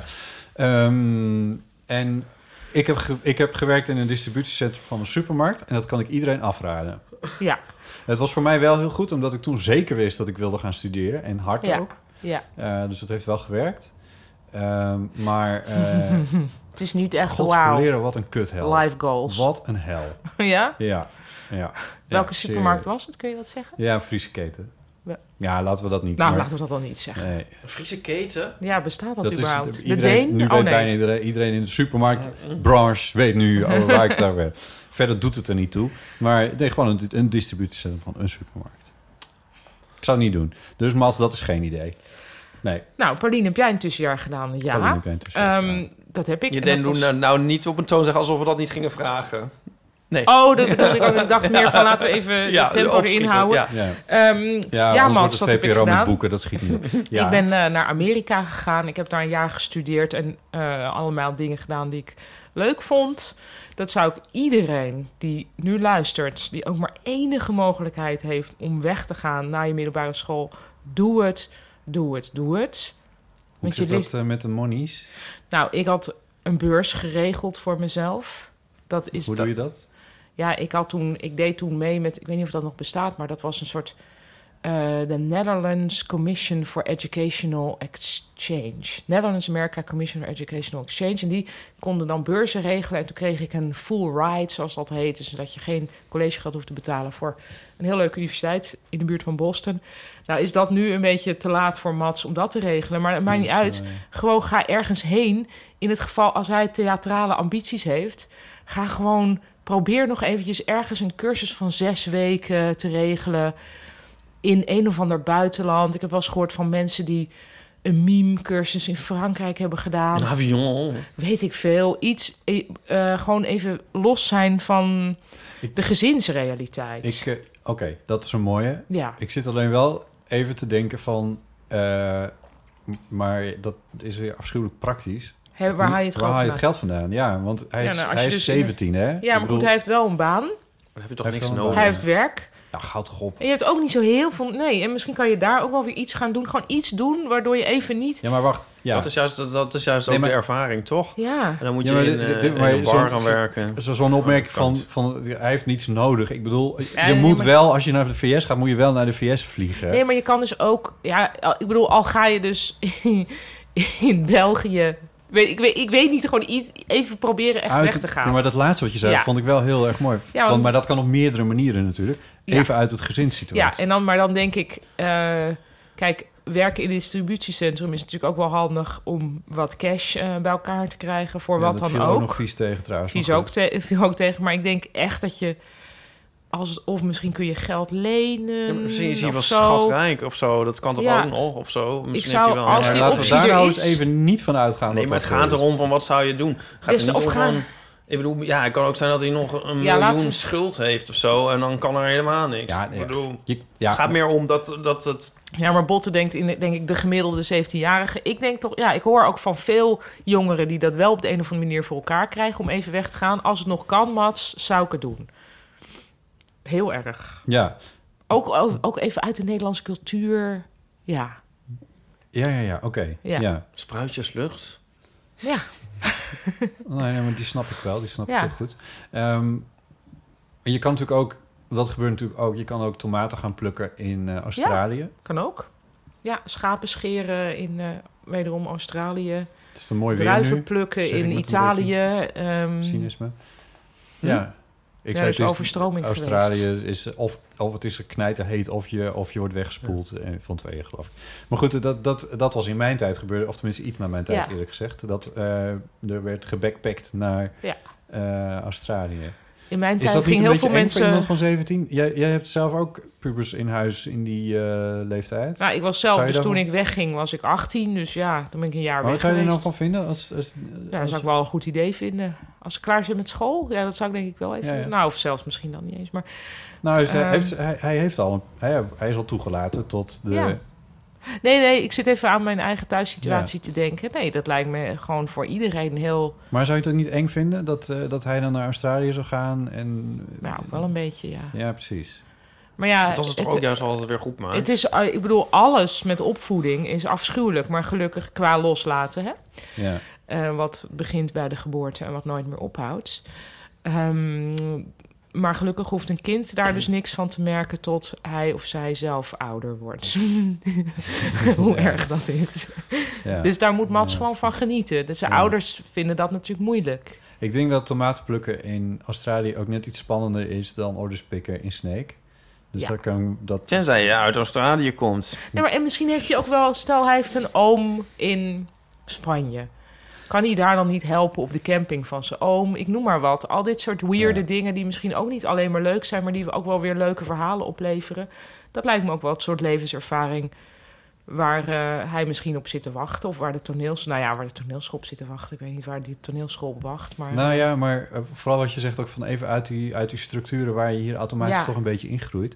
Om daar uit te komen. Gezinsstructuren, structuren zoals Nederland werkt. Je ziet dat, dat dingen in Nederland bijvoorbeeld best wel goed geregeld zijn als je, ik noem maar wat, bijvoorbeeld naar Vlaanderen gaat of zo. Hmm. Dat dan ineens deuren Ja. een meter hoog zitten in plaats Ja. van op de vloer. Dat, soort, eh, dat soort shit. Ehm, dat, dat hoor ik wel ve- veel meer mensen over. Ook van, van, nou ja, ik heb in het buitenland gezeten. Fantastische ervaring. Maar jezus, wat is het allemaal goed geregeld in Nederland. Ja, je gaat toch anders. Toen ik, ik weet nog heel goed dat ik, eh, omdat ik natuurlijk uit Amsterdam kwam en uit een heel, eh, heel atheïstisch milieu. Ik kende bijvoorbeeld niemand die geloofde in God. En toen Kwam je in de VS. kwam ik in de Verenigde Staten. Toen zat ik eh, op een overwegend Joodse universiteit. Maar ik had daar ook een, een vriendinnetje en die geloofde oprecht. Er was verder gewoon een slim iemand die geloofde in spoken. Hmm. En, en dat was. Ik had eigenlijk vanuit Nederland alleen maar een soort heel erg vooroordeel over christenen vanwege wat ik had meegekregen van de EO. Wat natuurlijk niet eh, super leuk was of zo, wat je dan Ja. zag op tv. En eh, zo heel erg, oh, altijd net met verkeerd. Ik was er allemaal verkeerd uitzag, naar mijn mening. Wim de Knijf. En toen zag ik in, toen was daar, dacht ik, oh ja, daar ben ik toch. En ik denk dat iedereen wel dat soort, wel eens dat kan gebruiken om even mm, te zien wat hij eigenlijk voor waar aannam. Maar ik denk als de, als de vraag al in je opkomt, dan ben je er eigenlijk al geschikt voor. Wat om naar het Dat buitenland is te wel een gaan. goeie. Ja. Ik bedoel, ik heb het nooit Ja. gedaan. Mijn zussen zijn allebei wel een jaar naar het buitenland geweest... Na, tussen middelbare school en studie. En ik dus niet. Maar het is ook, ik heb het ook nooit overwogen. Het is nooit, het idee is niet En je hebt nooit het, ook het idee van, had ik dat maar gedaan? Nee. Echt niet? Oh, wat Nee. grappig. Maar des, en nog steeds, en ook niet achteraf, maar ik denk dus als je denkt van, hoe zou ik dat misschien moeten doen, dan denk ik dat je het wel moet doen, inderdaad. Ja, nou Mats. ja, dus kijk maar in je eigen hartje. Toch? Oh. ja. Het lijkt, ja, ik denk als je er ook maar enigszins over twijfelt, dan doen. Ja. En eh shout-out naar alle 17-jarigen die naar de Eeuw van de Amateur luisteren... omdat ze denken dat wij levenservaring hebben. Dat is toch wel... Ja. Vind ik echt heel erg tof. Ja. ja, ik hoop dat we iets voor jullie kunnen betekenen. Eh, zullen we even luisteren naar eh, iemand die zich niet voorstelt... maar wat gaat over iets doen uit verveling? Hoi, Botte, Ipe en misschien Paulien of iemand anders. Ik heb een vraag. ik ehm, eh, vroeg me af of, eh, wat, of jullie wel eens iets hebben gedaan uit pure verveling en wat dan verkeerd uitpakte. en ik dacht aan ehm, dat ik zelf wel eens een kam in mijn haar heb gedraaid als Oh ja. kind. En dat kwam er dus niet meer uit. Oh, God, ja. Dat moest er dan uitgeknipt worden. En net sprak ik een vriendin die op haar werk zat. En die eh, handcrème, uit pure verveling, handcrème op haar gezicht had gesmeerd. dat kan ze eigenlijk niet hebben, want ze heeft zo'n eczeemhuid. En Oh. nou ja, die moest maar afwachten hoe dat dan weer uitpakt. Dus ja, ik eh, vroeg me af ehm, hoe, eh, of jullie daar nog voorbeelden van hebben uit jullie eigen leven. Dat is mijn vraag. Dingen die wij hebben gedaan uit vervelingen die ons in de problemen Ja. hebben gebracht. Oh, most definitely. Ja? Ja. Ik weet wel eentje waar ik aan moet denken, is wel, wel iets anders. Dat ik dan wel eens mijn kamer helemaal ging, anders ging inrichten uit een soort verveling. Wat dan niet goed uitpakte. ja. Dat Oh, je dat dan ik in een soort chaos Ja. zit of zo. Ja, ja, ja. Dat je denkt, Ja. nee, dit was ook helemaal geen goed idee. Maar dat het dan ook weer heel veel tijd kost om het weer terug te doen. En dat het dan daar eigenlijk ook weer geen tijd meer voor is. Nou ja, dat. Dat je denkt, oh god, nee. Maar ja, die tijd ligt wel een beetje achter ons. Dat vind ik ook wel jammer. Ja, ik verveel me nooit meer. nee. Ik verveel me echt nooit nee, meer. dan ga je al Instagram kijken. Nou ja, ik heb nu natuurlijk nu ook het kanji-project, of het eh, eh, Japanse karaktersproject. Oh, hè? Dus, dus nu werkelijk. ehm, ja, dan moet ik wel, ik ook wel eens een tussentijdse update over onze oud en Oh, nieuw God. eh dingen. Oh. Oké. Wat ik wel eens uit verveling heb gedaan, ik denk meteen aan twee dingen. Namelijk één, een nietje in mijn vinger eh, Oh. gedaan. Omdat, dit was ook zo... Oh, dit was dus vroeger, hè? Toen ik Ja. nog wel eens verveelde. En dan zat ik zo met zo'n nietmachine. En wat ik wilde, het doel was dit. Ik wilde hem precies zo indrukken... dat ik wel zo die twee tandjes van het nietje kon, vingen, kon voelen tegen mijn vinger. Zodat je zo... Ja, dat voel, hoe voelt dat? Ja. Maar waar ik niet op had gerekend was dat er een punt is met een nietmachine dat die doorslaat. Ja. En toen, dus ik, dus ik deed dat zo en toen ineens zo bang. En toen ik zo kijken naar mijn er vinger gebeurde. van... "Oh." Want dat ziet er dus heel gek uit, hè? Ja. Dus een nietje Oh, in je vinger... Oh, moet ik ermee ophouden? Nee. Nou, maar wat is nou het grappige? Een nietmachine werkt eigenlijk dus dat die beentjes zich naar binnen vouwen. Ja. Dat komt door de onderkant Ja. van het nietmachine. Ja. Dus als je hem ergens een nietje in doet waar niet een onderkant in zit, zoals vlees, dan gaan de, de, de pootjes gewoon recht naar beneden. ja, dat scheelt. Dus wat heb ik toen gedaan? Ik zag toen van, er zit een nietje in mijn vinger, er zit niet meer. Dat is niet goed. Wat moet ik nu doen? Ja. Voordat het pijn gaat doen, moet ik iets doen. En Oh, toen heb ik zo mijn- passer gepakt, die daar ook lag. Want dat was natuurlijk ook in een soort Die heb je in je huiswerk. ogen gestoken. Zo, nu zal Ja. dat geen pijn meer doen. Ehm, heb ik, ja, toen- het was de- ook zo half huiswerk vermijdend was dit natuurlijk allemaal. En toen heb ik de puntje van de passer zo onder het nietje gewerkt. De bovenkant van nietje, bovenkant Ja, van je vinger. Ja. En toen zo een klein beetje de ene kant opgewipt. Maar ja, dan graaft het nietje zich natuurlijk verder in je vinger. Dus de andere kant. En toen zo gezorgd dat hij rechtstandig weer Juist. uit mijn vinger kwam. Ja, ja. En toen heel lang heb je nog twee puntjes gezien om mijn linker wijsvinger. Nou ja. Want ik ben rechtshandig. Ik heb wel een keer een punaise in mijn vinger gehad. En dan heb ik echt nog heel lang een puntje gezien. Oh ja. Ja. En ik heb ook wel eens... ge- was ik er vanuit echt verveling ineens van overtuigd... dat ik een achterwaartse salto kon eh, van mijn bed af. Dus ik dacht van... Oh, ik lag nee. zo met mijn hoofd van het bed af. Ken je? Ja, Ja, zo ja, dat soort ja, ja. verveelachtige. Toen dacht ik, als ik maar mijn handen zo naast mijn hoofd zet... dan kan ik zo flaps. Maar dat kan je helemaal niet als je dat niet kan. Dus toen viel ik gewoon rechtstreeks met mijn hoofd Oh nee. op de grond. Auw. Dat zijn dingen die ik uit verveling heb gedaan. En jij, Botten? Ik, ik heb niet per se een direct voorbeeld eerlijk gezegd in eh, voorhanden. Nee, eh, dat weet ik zo niet. Ik ben eigenlijk wel heel benieuwd naar luisteraars. Als luisteraars nog in Ver vervelings... gekke situaties of E Verveling. EHBO's terecht zijn gekomen. Zwembadverhalen, woorden die alleen jij Ja. en je familie gebruiken. Of eh, ik was Of begonnen aan en nou, toen moest uiteindelijk toch de hovenier maar bellen. Of eh, Ja. dat je je haar hebt geverfd. Oh, dat ook nog, maar dat was dus niet uit verveling. Ja, de dubbelvla haar Het is heb toch ik nu. prima, echt prachtig. Nee, je ziet echt Fraai, dat er ineens... Nou, voor de luisteraars, ik heb even zelf highlights gezet... omdat ik dacht, "Oh, ik heb zo druk, ik doe het zelf wel. Nou, sorry kapper als je luistert. Dat had ik niet moeten doen, je had gelijk. Ik durf niet meer naar de kapper. Oké, het ziet eruit als dubbelvla. Eh that's Het it. ziet er prima uit, Paulien. The podcast had many highlights and they were all in Pauline's hair.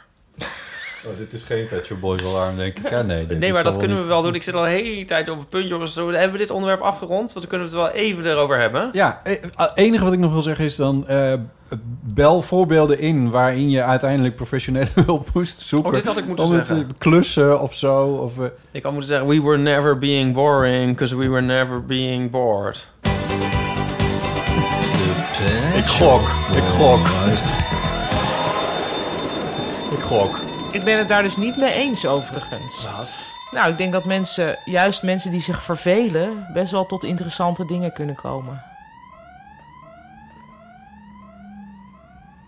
We were never being boring because we were never bored... suggereert dat je dus pas interessant bent als je de hele tijd... Nee, ik denk juist dat er uit een soort van... Ja, het is, misschien is het wel andersom. Is het, eh, we were never being boring, comma, we were never being bored. Vergeet je niet in de microfoon te praten terwijl je nadenkt Ja, over je quote van de Pet Shop Boys? Ja, ik wilde eigenlijk iets anders zeggen over de Pet Shop Boys. De over de Pet Shop Boys. Ja, nee, is al geweest. Want Er komt een nieuwe plaat. er komt een nieuwe plaat, dat wisten we al. We ook. Daar wachten we al drie jaar op. Die komt in het najaar, dat wisten we ook. En wisten Najaar? Het is januari, februari. Ja, in het najaar komt een nieuwe plaat. Oké. En voordien komt er eerst nog in april de Blu-ray van de Super Tour. Maar, oh, wat een verrassing. Gisteren, het was een echt een Red Letter Day. Nee, de vierde single van Bilingual. Ehm, want opeens was er een surprise nieuw liedje. En de aankondiging van een nieuwe Pet Boys EP. Nog voor het album.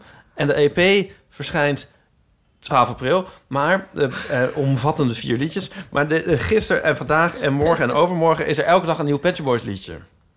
En dat zijn Vandaag, wat, wanneer? dus vier dagen Oh. lang. We zijn vandaag in, Oh. in dag twee. Oké. Maar Nieuw-Zeeland heeft het nieuwe liedje, het derde liedje al. Ehm, Hoezo Nieuw-Zeeland? Omdat de tijd er dag eerder ook. is. Oh, Ja.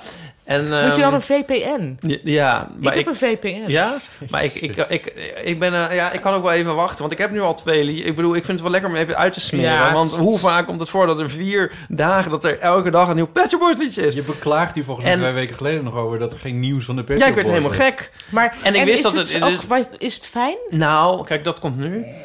nou, gisteren was dus het eerste liedje. Dat was echt een totale verrassing. Een, een, een, een, een, een hoe noem je dat? Ik kom niet op het woord. Maakt niet uit. Ehm, het liedje heette... Dat is dan het eerste wat je ziet. De titel. En dan denk je altijd zo van... Ik bedoel, aan de titel daar denk je al heel veel. Ja. Het liedje heette Give Stupidity a Chance. Ja.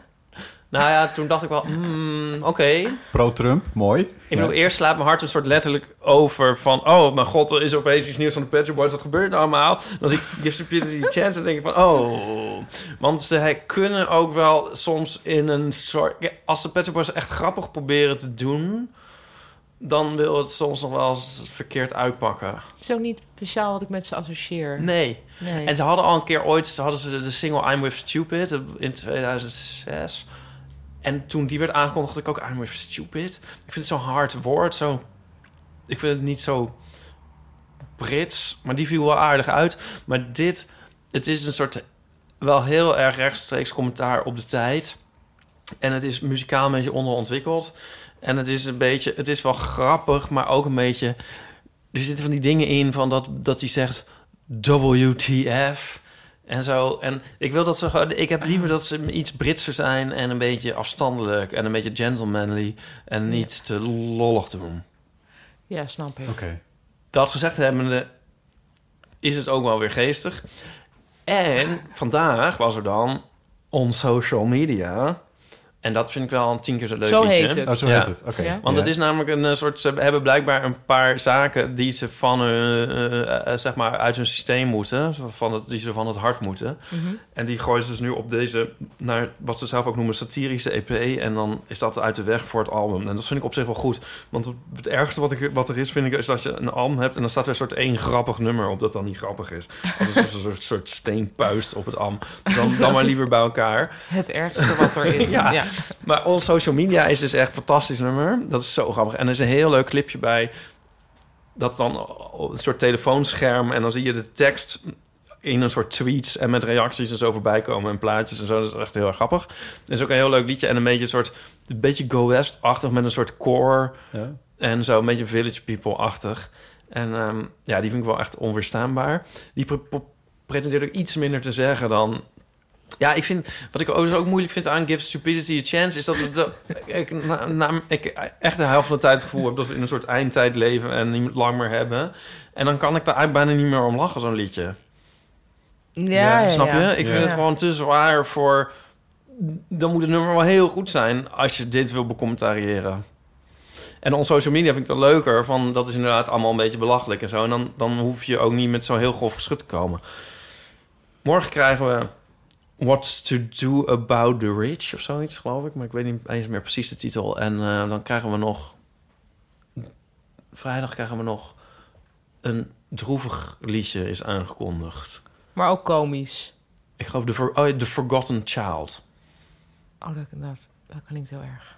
Klinkt heel erg. nou, niet. Ja, dat klinkt... dat kan niet. Laat. Ja, gelijk allemaal. Nee, laat maar. Nee. Ja, nou, dat zal wel meevallen. Ehm, ja, Wat leuk voor je. ja. Ja. En dan zeg je, maar 12 april komt het uit. Maar ja, nee, maar nu komt het digitaal uit. Maar dan 12 april kun je het dan kopen. Eh, op, verschijnt het als bonus CD bij Annually, het jaarlijkse Pet Shop Boys fanclub boek. En ehm, Dus zij werken samen met hun eigen fanclub? Ze, hebben een soort, ze hebben eigenlijk zelf een soort fanclub runnen Hoe ze. kan dat? Ja, zij zijn Nou, ook de Bij heel veel enige. amateur hebben we dat eigenlijk ook. Ze hadden zelfs een soort van officieel hadden De ze vier keer per jaar een fanclubblad. De oude nummers die zijn echt heel veel geld waard geworden overigens. Maar op een gegeven moment toen werd dat blad verscheen dan eigenlijk maar één keer per jaar zo onderhand. En toen zijn ze er een boek van gemaakt en dit is, dat wordt de derde editie. Mhm.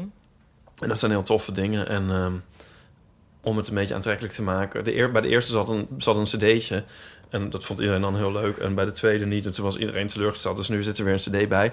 Oh ja, de EP heet Agenda. Shop Boys Agenda. En hij komt ook in de winkel dan weer op 12 inch. Maar de cd, dan moet je ook het boek erbij kopen. Ik vind jou echt de meest Het fantastische is een soort fanboy van... die elke Ja, band dit zich was bijna wensen. VPRO boeken wat Ja, hier gebeurde, ja, toch? Ja, precies. Is ook tien minuten niet tussen gekomen. Oh ja. Ja, nee, alleen maar een heerlijk. soort van... Ja, Ja. Ja. Wat, wat fijn voor je, echt. Ja, Ja, nee, het is ook Ja. echt heel fijn. Ja, het is heel Heerlijk. erg leuk. En ik ben heel mijn benieuwd leven naar- gewoon ik vind echt Go heel West- veel leuker. Vind ik dus echt een fantastisch nummer. Oh ja. En dus ik ben heel benieuwd naar dat nummer wat je nou vergelijkt met social media. Het is Ja. on social media enorm uh, aanstekelijk. En ja, Give Stupidity a Chance is ook heel erg grappig. En weet je wat ik nu grappig vind met deze podcast? Heeft iedereen nu door, voor zover mensen dat nog niet wisten, dat ik fan ben van de Pet Shop Boys. Ja, we hebben het wel eens laten vallen, ja. Maar dan krijg ik dus ook, ik word nu ook helemaal een soort, soort, soort, dan krijg ik allemaal eindeloze reacties. Ik ga mensen zeggen van, oeh, wat leuk dit nieuwe liedje van de Pet Shop Boys. Dat vind ik ook heel gezellig. Oh, dus je hebt ineens een nieuwe community eh, ontdekt. Nou, die had ik natuurlijk ook wel, maar nu komt het zeg maar uit onverwachte hoek, gaan mensen Ja. zeggen. Maar ook, dit is Give Stupidity Chance is ook wel een nummer dat mensen aanspreekt, omdat het zo over deze tijd gaat. Ik denk dat ze dat ook, ik denk eigenlijk een reden om dit nu zo eh, als surprise release tussendoor te gooien is, omdat de Brexit aanstaande is. Ja, En Ja. daarna dan kunnen ze dat allemaal wel weggooien. Dus dan Ja, moest het nu maar. oké. Ja. Ja. want het gaat ook heel duidelijk over de Brexit. Ja. Ja. Hebben ze wel tegen de brexit gestemd? Ze zijn heel erg tegen de brexit. Maar dat, dat nemen sommige fans hun dan ook weer kwalijk. Ik hoorde dat John Cleese pro-brexit had Echt? gestemd. Ja? Oh ja. Morris, Vanwege- Morris is ook pro-brexit. Vanwege wat? Geld, belastingen. Oh ja. Oh. Maar die heeft ook helemaal geen residence meer, omdat hij dan ook allemaal... Oh ja. ik, ik snap niet hoe mensen die zoveel hebben, zoveel kunnen zeiken. over geld. Ja. Ik zou het zeggen, ja. ja nee, nee, de Petter was daar over, heel overtuigd. Het valt me echt heel erg van hem tegen. Zo, ja, Ja. mij ook, ja. Hm. Ja, Ja, maar, je, ja, maar Britten zijn ook wel gek, wat Ja, dat betreft. Maar ja, ja, Morris is dus ook voor pro-brexit. om Iemand allemaal zou maar die is toch ook met heel veel Die dingen gek? Ja. hij is ook zo. Ja.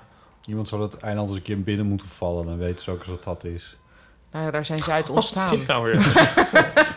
Nee, dit is wat altijd over Engeland wordt gezegd. Van, zij hebben nooit... Misschien moet je het met Friesland doen. Sinds de vikingen, duizend jaar, hebben zij, geen, eh, eh, hebben zij geen invallen meer meegemaakt. Of in ieder geval geen succesvolle bezettingen meer meegemaakt. eh, op Maar het is, het is toch helemaal eerst de, de Angelen en de Saksen en de... Ik bedoel, daar zijn ze toch... Die zijn, ze Duizend toch- jaar geleden is dat wel opgehouden. Toen, Ja. toen, toen was het wel uitgevochten daar. Ja. Tenminste, ja, ze zijn altijd heel goed in geweest om dan met Ierland nog wat te beginnen. Of met de Schotten. Ja, maar ik denk eh, dat eilandlanden, zie Japan, altijd ook een beetje crazy zijn. Eigenlijk. ja. Kijk naar de Wadden. ja, nou ja. Nee, ja. ja, dat is is toch een soort rare isolatie, Ja, eh, ja, toch? ja. Ja. Ja. Kunnen we er ook 20 seconden of zo onder plakken? Of hoe- hoeveel mogen we nog laag gebruiken? Ja, ja, op basis van citaatrecht mogen we best, wat, eh, best even een stukje Oh, van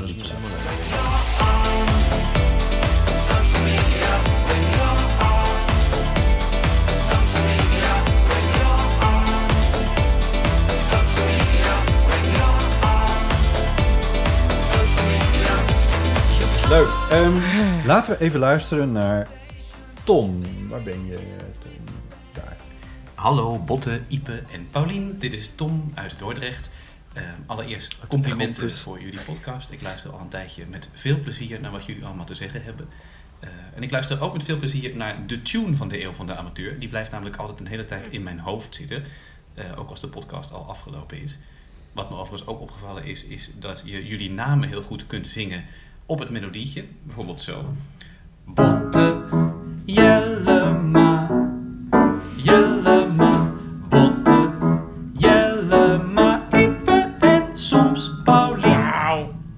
Nou ja, doe ermee wat je wil. De vraag die ik aan jullie heb is, hebben jullie ook earworms? Hebben jullie ook van die melodietjes die tegen wil en dank in je hoofd blijven zitten? Ja. En bonusvraag, zijn dat dan liedjes die je ook daadwerkelijk leuk vindt? Of zijn dat nou juist stomme liedjes? Ja, allebei. Ehm, ik ben heel benieuwd wat jullie daarover te zeggen hebben. Veel plezier en eh, de groetjes van Tom. Tom, dankjewel. Wel ontzettend gaaf dat je even piano speelt. Ik en voor herken dit ons helemaal niet onze tune. Ik herken het wel. Niet? Maar ik luister Hoe kun je dat nou niet herkennen? Oké, sorry. Oh my god. Oké, oorwormen dan. Ja, ik heb heel veel met... ehm, eh, wat ik dan na het eten, dan kijken we eh, meestal een klein beetje kindertv. Oh ja, en dan die zijn er ook zo. KRO, of hoe heet het? Welkom bij Kindertijd. Dat of eh, laatst dan Mega Mindy. En dat zijn Oh, dus allemaal dingen die je totaal niet in je hoofd wil hebben. Maar Nee. die dan wel de rest van de avond in je hoofd blijven. Ja. Ja, ja. Ik heb een paar van die liedjes uit de jaren tachtig... die toen veel op de radio waren... die bij ons thuis dan aanstond. Die ik niet zo goed vind, maar Wat die dan, dan? wel... Ja, ik kan het... eh, ja, oh god. Ja, je hebt van, van, die, echt van die slechte jaren tachtig hits. Dus maar echt slechte dingen. Ik vind dus, eh, je hebt, je hebt, het kan leuk zijn en het kan vervelend zijn en het kan leuk zijn. maar ik heb ook leuke. Hoe, het, als het, bijvoorbeeld, ik ben nu deze periode even wat meer met Michael Jackson bezig en dan luister ik weer wat meer naar, naar, naar die liedjes. En dat kan ook enorm in mijn, in mijn oren gaan zitten. En maar dat vind ik dan wel te, vind ik wel leuk. Dat, Ik heb ook trouwens een koortsoorworm. Als ik flinke Oh. koorts heb, dan uh, ik heb wel eens he ben helemaal uh, door de koorts gek geworden van het nummer Take 5. Oh. Nee, sorry, nee, nee, van Walk Don't Run. Ken je dat? Uh, dat is dat een Belgisch nummer over Nee, nee, nee, nee, van uh, John Barry volgens mij. Van Oh ja, oh ja, oh ja, oh ja, ja, ja, ja, dat is ook zo. nou. Ja, maar heel goed. Maar dus Ja. als je koorts hebt, is het heel raar. Ja. Ik heb dit als kind gehad met uh, Rain or Shine van Five Star. Dat ik me echt bijna, me bijna van kant gemaakt heb. Van dat ik er niet meer tegen Ja? kon. Maar, dan- maar je kan toch andere muziek aanzetten dan? En dan Ja, maar als je ziek weg? dus... Ik lag gewoon helemaal zo inderdaad dood in bed. Oh. En Ja, dat, dat ging kan maar in mijn niet. hoofd als het om En krankzinnig dit te heb ik ook gehad trouwens. Dit is dan niet een oorworm, maar meer een gedachtenworm. Met koorts, ik weet niet of jullie dat kennen... dat ik dus de hele tijd moest denken... wat het essentiële verschil was tussen een haai en een walvis. en een haai gaat dus zo... Ja, dus gaat zeg maar in de horizontale staart... en een walvis een... Nee, sorry, omgekeerd. Dus een haai een verticale staart... en een walvis heeft een horizontale staart. Ik heb wel eens namen die ik niet uit mijn hoofd krijg van mensen. Ja? Ja. eh, oh ja, daar heb ik nou... Ja. Maar ik heb dat Zal juist ik andersom. namen noemen? Ja, Geen heel raar. Heel random, mensen die dan in mijn hoofd Ja, zitten. zeg even. Nou, eh ja, het zijn ook alle typische namen. Dus Rami Fourat moet ik heel vaak aan denken. Die ken ik zo rond Only Seven Left was dat een jongen. Vond ik zo'n Ja. aparte naam. En dan denk ik heel vaak... Ja. ja. was. Ja, en, ehm, en, ehm, en Trent Lots moet ik altijd aan denken. Dat was een van de- zo'n senator in Amerika. En dan ben ik, die naam zit ook heel vaak in mijn hoofd. Ik had met Aaf, we hadden, toen wij, uh, Aaf van het Rosdienst en ik, die werkte bij de Folia, het werk blablabla, voor de eerste zo. Ehm, en, en dan, er was toen een pedel. Ja. En dat is, nou, ik hoop dat niemand, ja, het Ja. is iets wat mensen niet weten en terecht, maar dat is een functie. Eh, Dat is leuk. bi- Ja, dan moet je met zo'n soort Stok. stok. binnenkomen en dan hoera est zeggen. Nou, het slaat nergens Oh, op, maar iemand die deed dat. Iemand was pedel daar en die heette... Mild pedel. Nou, nee. Jarti Noto Hardine Goro. Oh, wauw. Ja, en Aaf die kan van alles wat ze hoort direct weten hoeveel lettergrepen het heeft, omdat ze alles mentaal op een Oh ja. liedje zingt. Dus zij zong dan Jarti Noto Hardine Goro en dan wist ze precies. maar dus Oh, echt? ik moet heel vaak aan die naam denken. Oh, wauw, ja, dat is Jarti, als je luistert. Shout-out. Leuk. Oh. An- an- ja, mijn zus heeft... Nou ja. ja. Maar ik heb nog een liedje. Weet je wat ik af en toe om onduidelijke redenen in mijn hoofd heb? Niet of geheel onprettig. Wat ik best wel een goed nummer vind. Ik heb verder niks met haar of van haar. Maar van Dido, het nummer Hunter. Zeg maar zo Dat niet. vind ik eigenlijk gewoon een heel goed nummer. Oké. En dan zet ik dat op. En dan kan ik dat echt wel iets van twintig keer achter elkaar luisteren. en dan denk ik, ja, waarom nou dit nummer? Huh. Ja. Ja. Maar is een oorworm prettig of onprettig? Nou, die vind ik dan nou helemaal niet onprettig. Dat kan beide toch, Dus denk hè? ik van... Nou, een oorworm is volgens mij per definitie toch wel een beetje onprettig. Nou, ik vind dat het ook leuk kan staan. Ik heb nu, nu heb ik ook die twee Pet Shop Boys liedjes dus in mijn hoofd. Ja. Ehm, vooral die tweede. Op wel een lekkere manier. Van dan... Oh, ja, dat Dat is wel niet. leuk. Ja. Maar bijvoorbeeld met kerst... Dan Oh. had ik verlies Navidad. Oh, Oh, daar word ik helemaal nee. gek Ja. van. Ja. Dan is het kut. Ja. Nee, en ik leef ook met iemand die de hele dag melodietjes zingt. Dus Oh, ja. die, en Ja. vooral Verlies Navidad eigenlijk. Het hele jaar door. ja. Dus ik, I'm suffering onder andermans oorworm. Ja, ja. Ja. Oh ja. Ja, maar dat is ook zoiets... By proxy. Ja, maar Ja. soms heb je iets dat het zo heftig wordt... dat je het moet zingen. Nee, ja, maar is dat Nee, nou nee, nee. echt zo? Ja. Nou, het helpt wel. Of moet luisteren. Ja. Hm. ja, maar ik ga dan juist iets anders luisteren. Nee, Echt nou, Oké, iets anders. nee, maar de, de, dit is aan meer met de prettige. Ja, Oké. nee, maar dat maar. Ja, oké, maar dan is het niet erg. Dat je denkt, nu moet ik dit gewoon Ja. opzetten, want anders kan ik niet meer verder. Nee, oké. Weet je wat ook een Wil je dat heel alsjeblieft erg... in eerste persoon zeggen? Want dat heb ik niet. Maar Nee? goed, nee. Oh, Nee. ja, maar dat vind ik dus wel lekker. En ik weet ook wel, eens, soms heb je zo'n album, een nieuw album... en dat je het hele album soort van als een jukebox in je Ja. hoofd hebt. Dat vind ik ook Ja. heel lekker. En dan denk ik, ja, dit is een goed album. Ik kan gewoon niet wachten. En dat je één nummer eruit en denkt... maar ik wil nu weer snel die volgende zo. Dat is allemaal, ik vind het Ja, ook ik heb heel ook wel lekker eens met een zijn. nummer dat ik er eigenlijk op één niveau extreem van gruw. Ja, Maar dat ik helemaal een soort van... ja, En dan is er toch iets in het nummer dat ik toch ja. daardoor toch ook daar extra van geniet. Het is, bij, Ja. het is niet hate listen, want het is Ja. wel echt genieten. Maar ik heb dat nu dus met het nummer I, I Shall Sing van ehm, Art Garfunkel. Dan vind Oh. ik dat sowieso een tragisch figuur. Ja. Ik weet niet precies Dat- waarom. Dat, is vanwege dat kapsel. Ja, maar die heeft dus zo'n heel kwetsbare manier van zingen. Ja, ja, ja. Dat je helemaal er kriebelig van wordt. En dus Ja. dat ene nummer, dat zit ik toch de hele tijd te luisteren. Maar ik heb geleerd me daaraan over te geven. Als ik zo'n fascinatie, dan duik ik er gewoon in. wat en is dan dat nou? Maar ik denk ook, wat is dat nou? Dat, dat van kwetsbare is het blijkbaar. Nee, ik ga er ook gewoon helemaal Ja. in mee.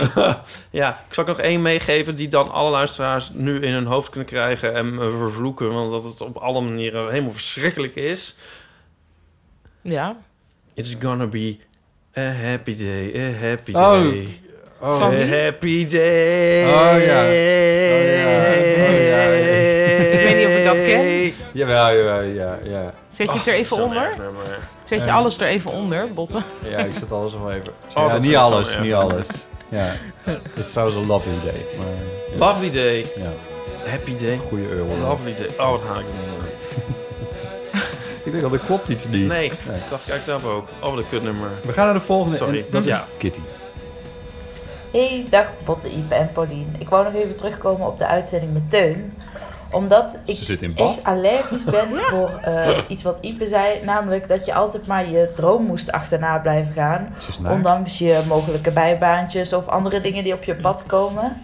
Of Maar ik vind juist dat zeker in de culturele sector mensen zich veel te hard vasthouden aan, eh, aan hun beeld van wat ze moeten worden en hun droom. Dat dat dan eigenlijk iets romantisch is waar je op je 18e aan bent begonnen. Ik moet kunstenaar worden of architect of fotostripmaker. En dat je dat dan heel je leven niet meer los kan laten. Waardoor dat je eigenlijk ofwel in een bijbaantje zit waar je niet echt van kan genieten. Ofwel ehm, zo, je zo verplicht voelt van het kunstenaar te moeten zijn dat je daar dan weer niet van kan genieten. Dus ik denk juist dat je voor alle opties moet blijven openstaan. En eh, dat je een bijbaantje ook best serieus mag nemen. Salut! Of Ze is zo afgeleid door het water. Of ze zit in een grot. Ja, dat kan ook nog. Ja. Heb je daar Maar- bereik? En dat ze met haar vingers zo even door het Hij water... heeft het in de- misschien opgenomen en later verstuurd. Misschien heeft ze er ook onder Oh, gezet. dat zal wel, ja. Misschien dat heeft, moet. heeft ze een hele Dat soundscape achter gezet. Dat kan natuurlijk ook nog. Ja. Dat is gewoon in een droge studio. Ja. Ik herken me helemaal niet in deze verte- eh, weergave van mijn standpunt. Was dit naar aanleiding van het belletje van het meisje met de mooie naam Alantine of Elantine of Ja. Alentine, zo'n Ja, soort naam? Ja, hoe je dan... Zij was ja. eh, afgestudeerd aan de toneelschool en tevens aan het conservatorium. Ja. Eh, oh ja. Ik weet het nog eh, zo goed, omdat ik dacht, moet ik het niet... Ik heb hier eigenlijk ook nog een soort mening over. Of een... Mag. Zal ik dat nog even zeggen? Ja, ik weet niet of ik er dan tegen... Ja, ik vond het eigenlijk wel ik vond het een heel ontroerend telefoontje eigenlijk. Dat ik dacht, jeetje, wat een moeilijke tijd ook inderdaad. Ja. Maar ik Ze was dacht... pas afgestudeerd volgens Ja. mij. Dat was het. En ik dacht wel van ja, wat het moeilijk is aan de toneelschool is dat je natuurlijk niet per se wordt opgeleid tot maker. Dus dat je daarmee wel een beetje in een passieve rol terechtkomt van wie wil jou voor een bepaalde Ja, ja, rol. Dus ik Je wil. kan niet je eigen werk bedenken, bedoel Nee, je? dat kan je dus wel gaan doen. En dat wou ik dan ook aanraden. Van ga zelf iets maken en kijk hoe dat is. En dat ze ook niet moet onderschatten dat ze juist met ook nog afgestudeerd pianist, dacht ik. Dat dat natuurlijk een heel uniek persoon is ze daarmee. Dus als Ja. ze daar iets mee gaat maken wat theatraal en muzikaal is, zou dat volgens mij super interessant kunnen zijn. Maar vooral zelf het heft in handen nemen. Ja. Gewoon dat was nog mijn, eh, Ja. als mocht Ja. ze nog luisteren. Ja. Zoals Kitty, Kitty dit nu zegt, ik ben ik het er helemaal mee eens, overigens. Ik weet niet meer zo goed wat ik toen zei. Maar, Eh. ehm, Nee, het lijkt me ook dat dit juist is hoe jij met fotostrippen bent begonnen, volgens mij. Nee, maar zij vindt dus dat je op een gegeven moment ook moet afscheid kunnen nemen van ja, je dromen. maar dat toch? vind ik ook. Ik vind meer volgens mij, maar ik weet niet hoe ik het toen zei hoor. Of misschien vind ik wel elk moment iets anders. Maar dat als je nou Ja. je droom wil waarmaken, dan, dan, moet je, dan, dan moet je hem niet loslaten. Ja, het wordt een beetje. Het zegt niet meer zoveel. Maar ik heb. Ja, maar is het niet ook hoe het gebeurt? Ik bedoel, er is toch ook... Het is allemaal niet... Je kan niet alles maar bewust kiezen. Als ik aan mezelf denk... Ja, ik heb echt enorm lang lopen moeite doen... om, eh, om iets van de grond te krijgen. Maar en dat was dan niet... Dan dacht ik natuurlijk ook de hele tijd... Ja, jezus, waar ben ik nou eigenlijk mee bezig? Maar het, het voelde niet alsof ik een keuze had... Want ik wilde optreden. Dus ja, niet om er al te, zeg maar, wanhopige kunstenaarachtig over te doen. Maar zodra je kan denken, nou weet je, of ik doe het niet en dan doe je het niet. Ja, nee, by all means, doe het dan niet. Maar als je ergens dat van jezelf moet doen, ja, dan heb je die keus dus niet zo heel erg. Toch? Nou ja. Nee. Nee, ja, want best was denk bij dat mij echt zo. Ik bedoel, het ging echt helemaal op een gegeven moment echt helemaal niet goed. Toch ben ik weer wel weer het podium opgegaan. En ik denk, eh, het feit dat ik nu dat professioneel kan doen. Als dat allemaal niet was gebeurd, misschien was het dan op een gegeven moment dat ik er wel echt genoeg van had gehad. En dat ik ermee was gestopt. Voor hetzelfde geld niet. Was ik blijven optreden op open podia. En had dat me genoeg geluk gegeven, blijkbaar. Maar ik denk dat je toch zoekt naar iets wat je blij maakt. Ook al is het Ja. ja, Nou, je hebt ook dromen en dromen. Want je, je, kan dromen van op de plank staan en dromen van eh, Sydney Opera House of zo. Mm. En, en ik denk van dat laatste moet je sowieso. Nee, je moet, het moet, het- Het moet meer gaan om het doen. Niet sowieso moet het gaan om het doen. Ja, precies. Maar Ja. het probleem wel met podiumkunst is dat je natuurlijk altijd een publiek nodig hebt. Ja, ja, ja, nee, is ook zo. Maar en met schrijven en zo ook. Nou, daarmee minder eigenlijk. Ja, je kan het voor jezelf doen. Nee, maar als Ja. je ervan wil bestaan op de een of andere manier. Ja, dan wel. En maar je, je moet dus wel daar een soort onderscheid in maken van... Ik bedoel, dat kan wel ergelijk zijn dat mensen hun dromen ook te veel kwantificeren, denk ik. Nou, dat is denk ik wel iets... Ja. ja. En dan, dan, daar ben ik Wat niet je voor. precies met nou, dus dat je zeg maar... Ik wil niet van, oh, ik wil een boek uitbrengen, schrijven... Maar ik maar wil ik wil in een bestseller ik wil de en zo. En ik wil eh, in alle bushokjes hangen. Ja. En dat, dat, die manier van dromen, daar moet je dus... Daar ben ik niet... Ik bedoel, daar mag, daar mag je wel van dromen, maar daar moet je... U- Het klinkt wel een beetje als u heel gereguleerd moet gaan dromen. hè? Nee, nee, maar ik Nee, bedoel, maar serieus, als daar dan moet je wel van, vanaf. Daar, als ze dan zegt van daar moet je ook daar moet je van af. Ik bedoel, daar moet je wel van af, denk ik. Ja, maar het, het, wi- het willen en Creëren. het willen creëren, die droom.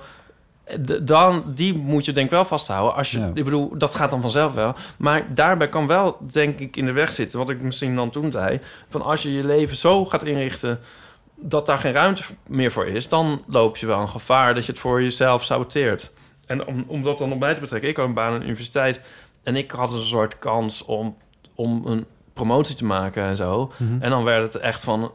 toch een soort, soort stomzinnige baan... waar ik was ingerold, maar wel een baan... naar een soort big, big deal...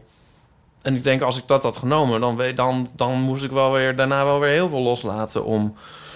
Ja, maar dus dat is inderdaad... Er zijn wel keuzes die je kunt maken, maar die maak je dan op dat moment. Ik had dan, precies hetzelfde. Ik Ja. had kunnen gaan promoveren Ja. of dat niet doen. En toen heb ik dat niet gedaan.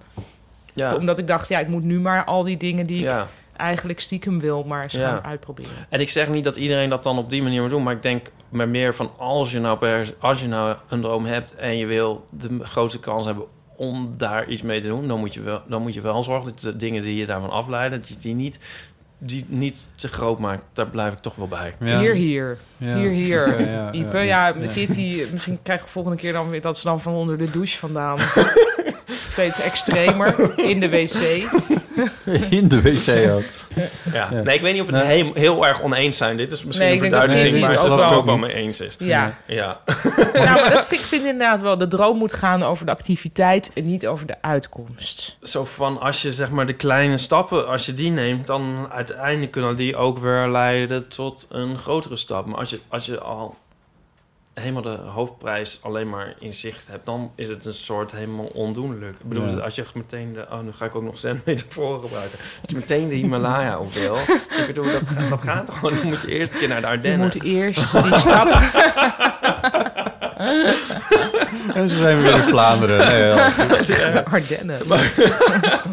Zullen we nog even luisteren naar wat meer... Maar eh, het is wel, maar toch nog even van een soort volharding uiteindelijk die ook een soort, maar die die je ook alleen maar kan opbrengen als je het dan ook echt wel, die uiteindelijk ergens toe leidt, misschien soms meer nog dan talent of zo, en ook Ja. uiteindelijk meer dan geluk. Je moet ook wel een beetje geluk hebben. Je moet wel een beetje geluk hebben, ja. ja. Hard werken en een beetje geluk. Ja. Over dromen gesproken. We hebben nog een heel leuk berichtje gekregen van ene Hiske. Hey. Hallo, goedemiddag. Wat is en Paulien. Eh, dit is een eerste eeuwofoonbericht van mij, Hiske. Eh naar aanleiding van Ipe's verhaal over zijn stressvolle eh, theaterdromen van de vorige keer. Ehm, dat verhaal dat deed me meteen denken aan een type stressdroom dat ik zelf vaak heb. En veel mensen die ik ken, die ook in restaurants hebben gewerkt, die hebben die droom ook. Ehm, en zoveel mensen hebben hem dat hij zelfs een naam heeft, namelijk de horecadroom. Eh en ik zelf droom dan bijvoorbeeld vaak dat ik weer in de keuken sta bij eh Toscanini, waar ik tien jaar geleden werkte. Of zelfs bij Mochique, waar ik vijftien jaar geleden werkte. En dat ik dan gewoon heel vrolijk daar weer aan het werk ben. Van, oh, Hiske is terug, hartstikke leuk, super tof.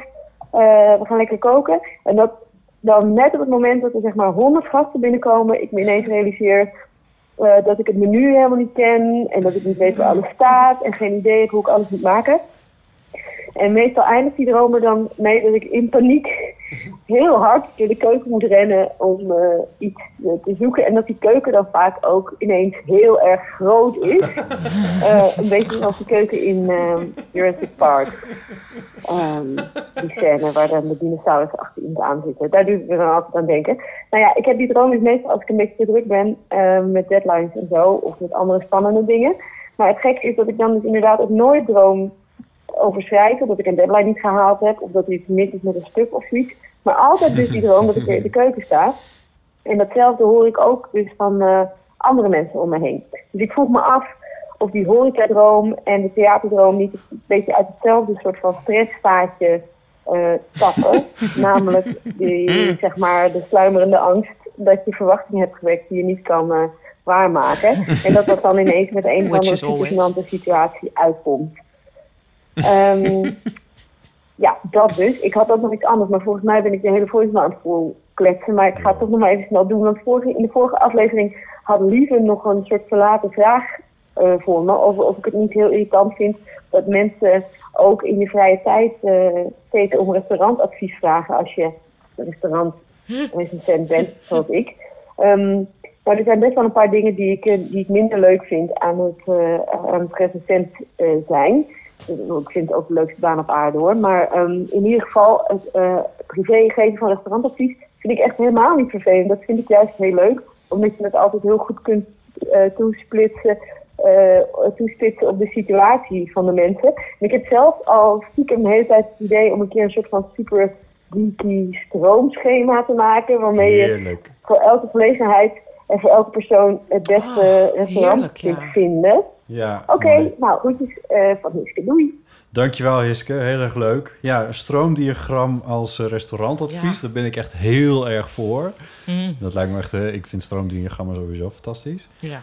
En, eh, en de horecadroom, of dat niet dezelfde stressdroom is die ook voor, eh, podia. Heb jij hem trouwens, Pauline? De, de Ik heb podiumdroom? dit niet eh, specifiek nog teruggehoord, maar ik denk dat het gaat over de droom van... Ik heb heel vaak de droom van ik moet al op, maar ik heb mijn kostuum nog niet aan en mijn make-up nog niet op. Oh ja. En je kan natuurlijk met cabaret best wel veel verdoezelen van wat er fout gaat. En dan moet ik te veel. Dus dan ga ik met al mijn make-up het podium op. En dan moet ik zo'n beetje ha ha ha. Nou ja, we zijn al begonnen. Wacht, ik doe het even waar jullie bij zijn. Oh ja. Dat is heel verschrikkelijk. Ja. Ja. Nee, de droom ging meer dat je de tekst helemaal niet weet.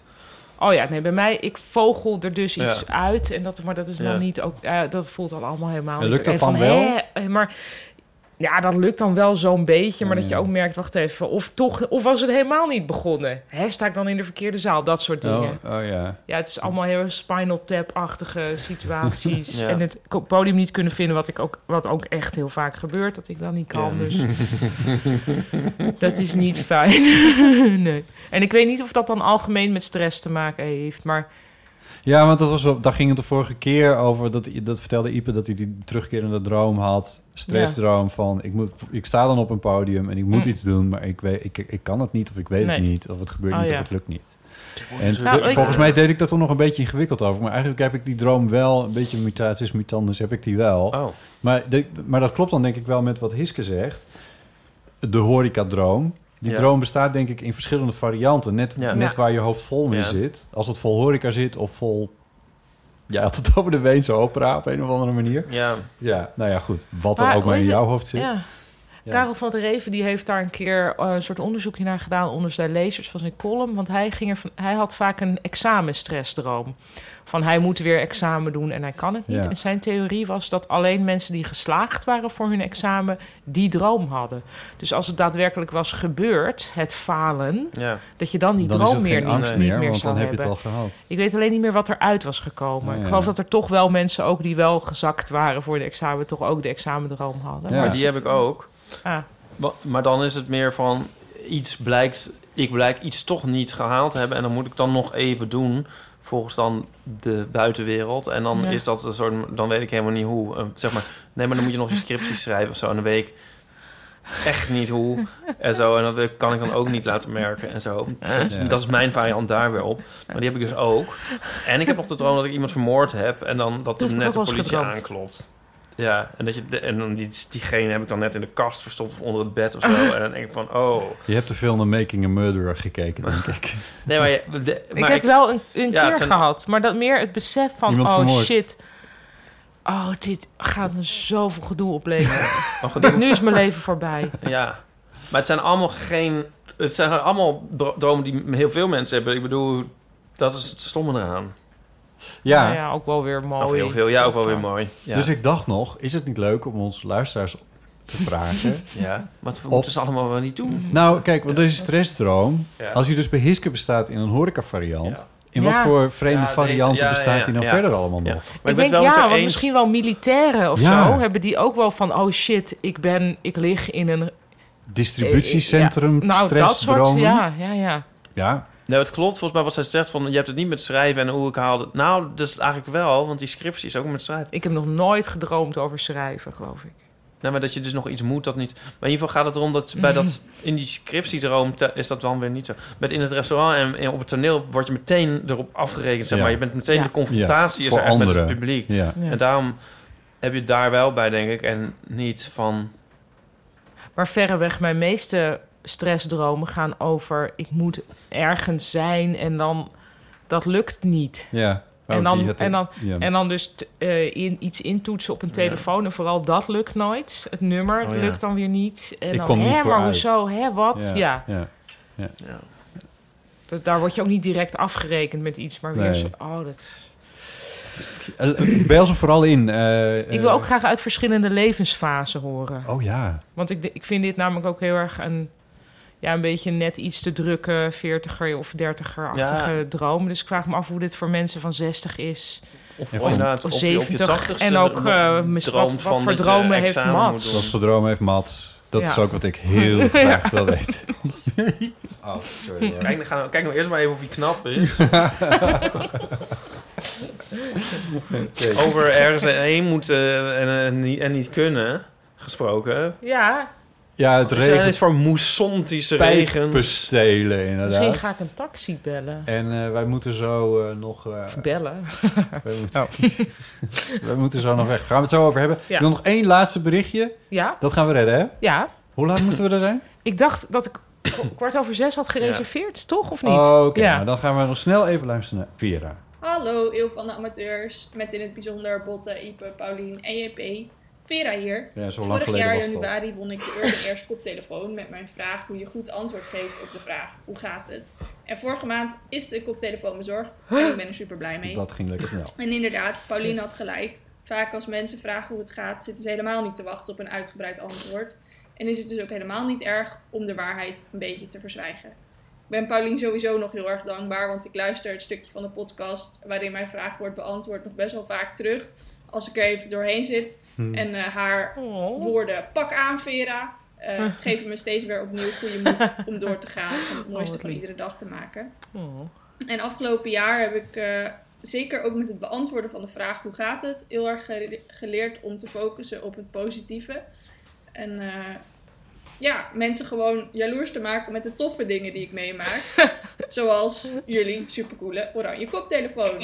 En op dit moment straal ik als een blij ei wanneer ik met mijn nieuwe scootmobiel door Leeuwarden kan crossen. En het is echt zo geschenk om na al die maanden weer lekker alleen naar buiten te kunnen. En door de frisse lucht te kunnen rijden en de vrijheid te ervaren van overal naartoe kunnen rijden. En daarom is mijn vraag aan jullie: stel dat jullie iets opnieuw voor het eerst zouden mogen ervaren, zoals ik nu de frisse buitenlucht in mijn eentje. Wat zou dat dan zijn? Mm. Nou, heel veel succes met de podcast en ik geniet er nog steeds ontzettend van. En eh, ga zo door. Doeg! Dankjewel Vera voor je leuke bericht met de vraag. Oeh, Wat moeilijk. zouden wij opnieuw voor het eerst willen beleven? Ik vind het best een moeilijke vraag. Eh, ik heb er zelf niet... Even los van seks? Of... Ja, nou Of ja, nee, mag ook. Nee, waarom Nou ja, zou dat wel, niet, dat waarom zou dat niet mogen? begin. Wordt Ja, toch alleen maar beter, seks. Ja, Ja, dat is ook niet, inderdaad helemaal niet echt Wordt alleen maar beter, Mats.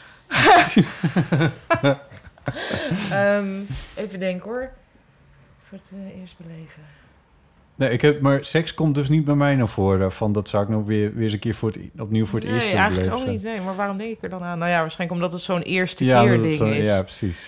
Ja. Ehm, Volgens mij, het zou best eens kunnen zijn dat ik de eerste keer in een auto rijden... vond ik wel echt een heel bijzondere Oh. ervaring. ja, ja. Ja. Maar dat kon jij toch al met al die trekkers Nou en ja, zo? op trekkers reed ik dan wel. Ik kan me Ja. niet eens meer herinneren wanneer ik daar voor het eerst op reed. Maar in een auto is het toch wel net iets anders. Want dat is Hm. officieel en dat is op de weg. En, Ja, ja, eh, ja. ja. Dus eh, Ah. dat, dat, die, ik denk... En dat heb ik misschien... Misschien heb ik dat voor een tweede keer beleefd... toen ik voor het eerst op een motorfiets reed. Oh, Zelf. ja. Want dat was ook wel echt een vrij magische ervaring. Hmm. Misschien bedoelen, worden dit soort ervaringen helemaal niet bedoeld, Nou ja. Vera. Maar Eh, snorkelen? snorkelen, Ja, snorkelen is superleuk. En, Ja. Maar dat zou ik eigenlijk... Nou, dat maakt ook niet eerst... eh, Dat vind ik echt heel leuk, snorkelen. Ik denk, ga nu gewoon aan leuke dingen. Wat zou ik nou voor het eerst... Nou, wat ik wel... Ik heb een keer in zo'n restaurant gegeten... waar, je, waar het alles helemaal donker was. En toen... Oh ja. Dat was matig, vond ik, eh, die ervaring. Maar wat wel heel mooi was, was toen... kwamen we weer naar buiten... en toen vond ik alle kleuren super intens. Oh. Dus dat was eigenlijk toch wel... Ja, Dat ik werkte zou wel weer voor, ik zou wel eens echt voor het eerst willen zien. Maar dat, dat eh, kan nu, nou ja, dat is wat je als baby. Dat is wel een mooi antwoord. Ja. Ja. Voor de eerste keer weer luisteren... Voor de allereerste keer luisteren naar de Pet Shop Boys. Dat dacht ik inderdaad aan. Ja. Oh. Vergeet niet in de microfoon te praten. Eh, ja. Verder, ik weet niet. Vergeet niet in de microfoon te Oh, praten. Ik weet dat wel nog dat mijn, maar ik kende ze wel een soort vagelijk. Maar mijn zus was toen in Engeland in haar tussenjaar. Ja. En toen had ze een bandje opgestuurd. Van de Pet Shop Van Boys. de Pet Shop Boys. Oh, je weet nog het eerste moment dat jij de Pet Shop Boys... Nou, nee, want we kenden het wel van tv, zal ik maar zeggen. Oh ja. Maar niet dat ik dat op mijn eigen beschikking had. En ik lag zo in bed en ik draaide dat bandje. En Hoe oud was je? Nou ja, ongeveer. 8, 12, 16, 24, 14. Oh. 14. Ja. En eh, ja, toen kreeg ik echt zo eh, heel erg kippenvel en zo. En helemaal een soort... eh, Echt? Ja. Wauw. ja, en dat heb ik nog steeds wel eens bij muziek. Maar dat is zeg maar, wordt steeds zeldzamer. Maar zo, zo lang en veel als toen... dat je helemaal een soort... Ja, ja, dat, Ja. maar dat kan nog steeds trouwens. En dat soms... Ja, en dat is heel fijn. Ja, dat soort van ja, je Ja. lievelingsboek voor het eerst lezen. Ja. Twin Peaks voor het ook eerst een, zien. trouwens daar ook een soort woord voor. Zo'n woord dat alleen me- wij zelf gebruikt. Dat had ik met, met Anniek dan weer. Opstijgmuziek. Opstijgmuziek. Oh. Ja, omdat ik het, het gevoel had... Maar had zij, eh, steeg zij ja. er ook bij op? Anniek had dat ook wel. Met de Pet Shop Boys? Ja. En is zij ook nog steeds into de Pet Shop Boys? Ja, al, wel alle drie, maar wel Oh. minder erg allemaal. Want ik, ik ben natuurlijk... Jij bent daar het verst in gegaan. Neurotische Geowned. hoogste, ge- eh, hoogte ge- gebracht, ja. Maar ze, we zijn Ja, wel leuk, fan. samen, ja. Ja. Ja. Ik had het een beetje toen ik eh, Voodoo van eh D'Angelo voor het eerst hoorde, volgens mij. Dat ik dacht, wat de fuck is dit? Zo gaaf en het gaat maar door en, en die plaat meteen nog een keer draaien en dat soort dingen, ja. Het is ook een beetje met in bad gaan. Ja. Maar dan, van, als je dan in een moment wil leven dat je dan in Ah. bad wil gaan. En dat je dan heel even alles vergeet. En een soort heel erg lichamelijke ervaring. Maar ook geestelijk dat dat soort samenkomt. Ja. Daarom ik het heel jammer dat ik geen bad heb. Ik begrijp ook nooit, nooit dat mensen dit niet, niet Je fijn mag zo bij ons in bad, Oh, hè? dat We is hebben een een goed bed. idee. Bad. Ja. Joe en Jules gaan nu hun bad uit hun huis slopen. Nou, ja, doe dat normaal. snap ik gewoon niet. Ja. Ja. Ja. En toen zei iemand ook een keer van... Ja, maar dan kan je dan ook met, met pijn... dan moet je gewoon een wortelkanaalbehandeling. Dan heb je dat ook een beetje. Maar dat is toch anders? Nou, doe normaal. Ik weet niet ja. of dat een tip is. Ja. nou goed, ja dat dus. Maar ook hiervan eh, denk ik dat het leuk is als luisteraars hier een... eh. Ik vind dat de luisteraars nou wel Ja, aan het woord zijn geweest. ja. Zo, maar Maar hou dit maar voor jezelf. toch, is toch zijn eh, berichten welkom op de Eeuwenfoon. Maar niet Eh, deze. Wij proberen er ook zoveel mogelijk te laten horen. eh, maar ja, dat, we moeten af en toe ook een beetje kiezen. Dus als je hebt ingebeld en je hebt jezelf niet gehoord... weet dan dat het in een eventuele latere aflevering ook nog... Anders geven we nu gewoon een fout nummer op... zodat ze niet kunnen bellen. Alle reacties zijn van harte welkom op 06... 1990, 47. 34. Nee. 06 1990 68 71. Dat is de eeuwofoon en daar is een voicemail. Hou het kort, want je ligt er zo uit. Na twee minuten eh, houdt het toch wel op. Dat is beter dan het was, maar het is, eh, het is Ja. ik vind het toch aan de... Maar goed, het is, het is twee minuten Prima. Zou Prima. goed moeten. Ja. Wij zijn toch ook niet uren aan het woord? Nee. dit- Zo is het. Goed. ehm, wat wij gaan doen is namelijk, wij gaan eh, op, restaurant. Hoe We het? gaan op restaurant, ja. Eh, eh, op ehm, uitnodiging, of hoe zeg je dat? Eh, van Elsbeth uit Leiden. eh, die ons wat centjes heeft gegeven daarvoor. Van harte dank. dank. Eh, waarbij de suggestie ook kwam om naar het Friese georiënteerde restaurant. Iedereen gaat ook meteen weg. Hier. ik pak even mijn schoenen. Jezus. Eh eh, Fries georiënteerde restaurant Tuskomen. Daar gaan we nu naartoe. En Botte gaat ook in het Fries bestellen. De, de, de waar? Ja. dat weet ik nog We niet. gaan er maar dat zeker zal, van zullen we wel even zien. En eh, wat hebben jullie een haast? Ja, ja, ja, Jezus. ja. Oh, sorry. Ja, Ja, ik denk de oppas is nu thuis. Chris gaat nu van huis. Weet je zo. Ja, ja, ja. We moeten die kant ook op. Is ook waar. Ja, want er gaat aanhang mee. Ik moet ook drank hebben. Ipe, hartelijk dank. Ja. Fijn dat je er was. Ja, eh, ja eh, graag gedaan. Bedankt Elsbeth. Elke keer Ja. weer. Bedankt Elsbeth en, eh, en eh Paulien Cornelis. Heel fijn om hier weer Oh, ja. te zijn. En iedereen bedankt voor het bellen. gemist. Zal ik dat nog Ja. rechtzetten? Toch wel bedankt voor het bellen. Zeker, dank Ja. voor alle fijne Ja. berichtjes. We hebben Heel echt fijn. hele leuke, hele leuke dingen gehad. En mocht je hier nou op willen reageren, bel dan gewoon naar de Eeuwenfoon. Mocht je zeggen van, ik heb een nieuw dilemma, iets waar ik mee zit. En ik zou het toch heel interessant vinden als jullie Ja. daar eens over praten. Of met, ook met luisteraars over praten. Laat het ons vooral even weten. Bel naar de Eeuwenfoon, spreek dat berichtje in. En dan nemen we dat gewoon lekker mee. Het dilemmata. En ik zou zeggen, tot de volgende keer. Onchen. Bye.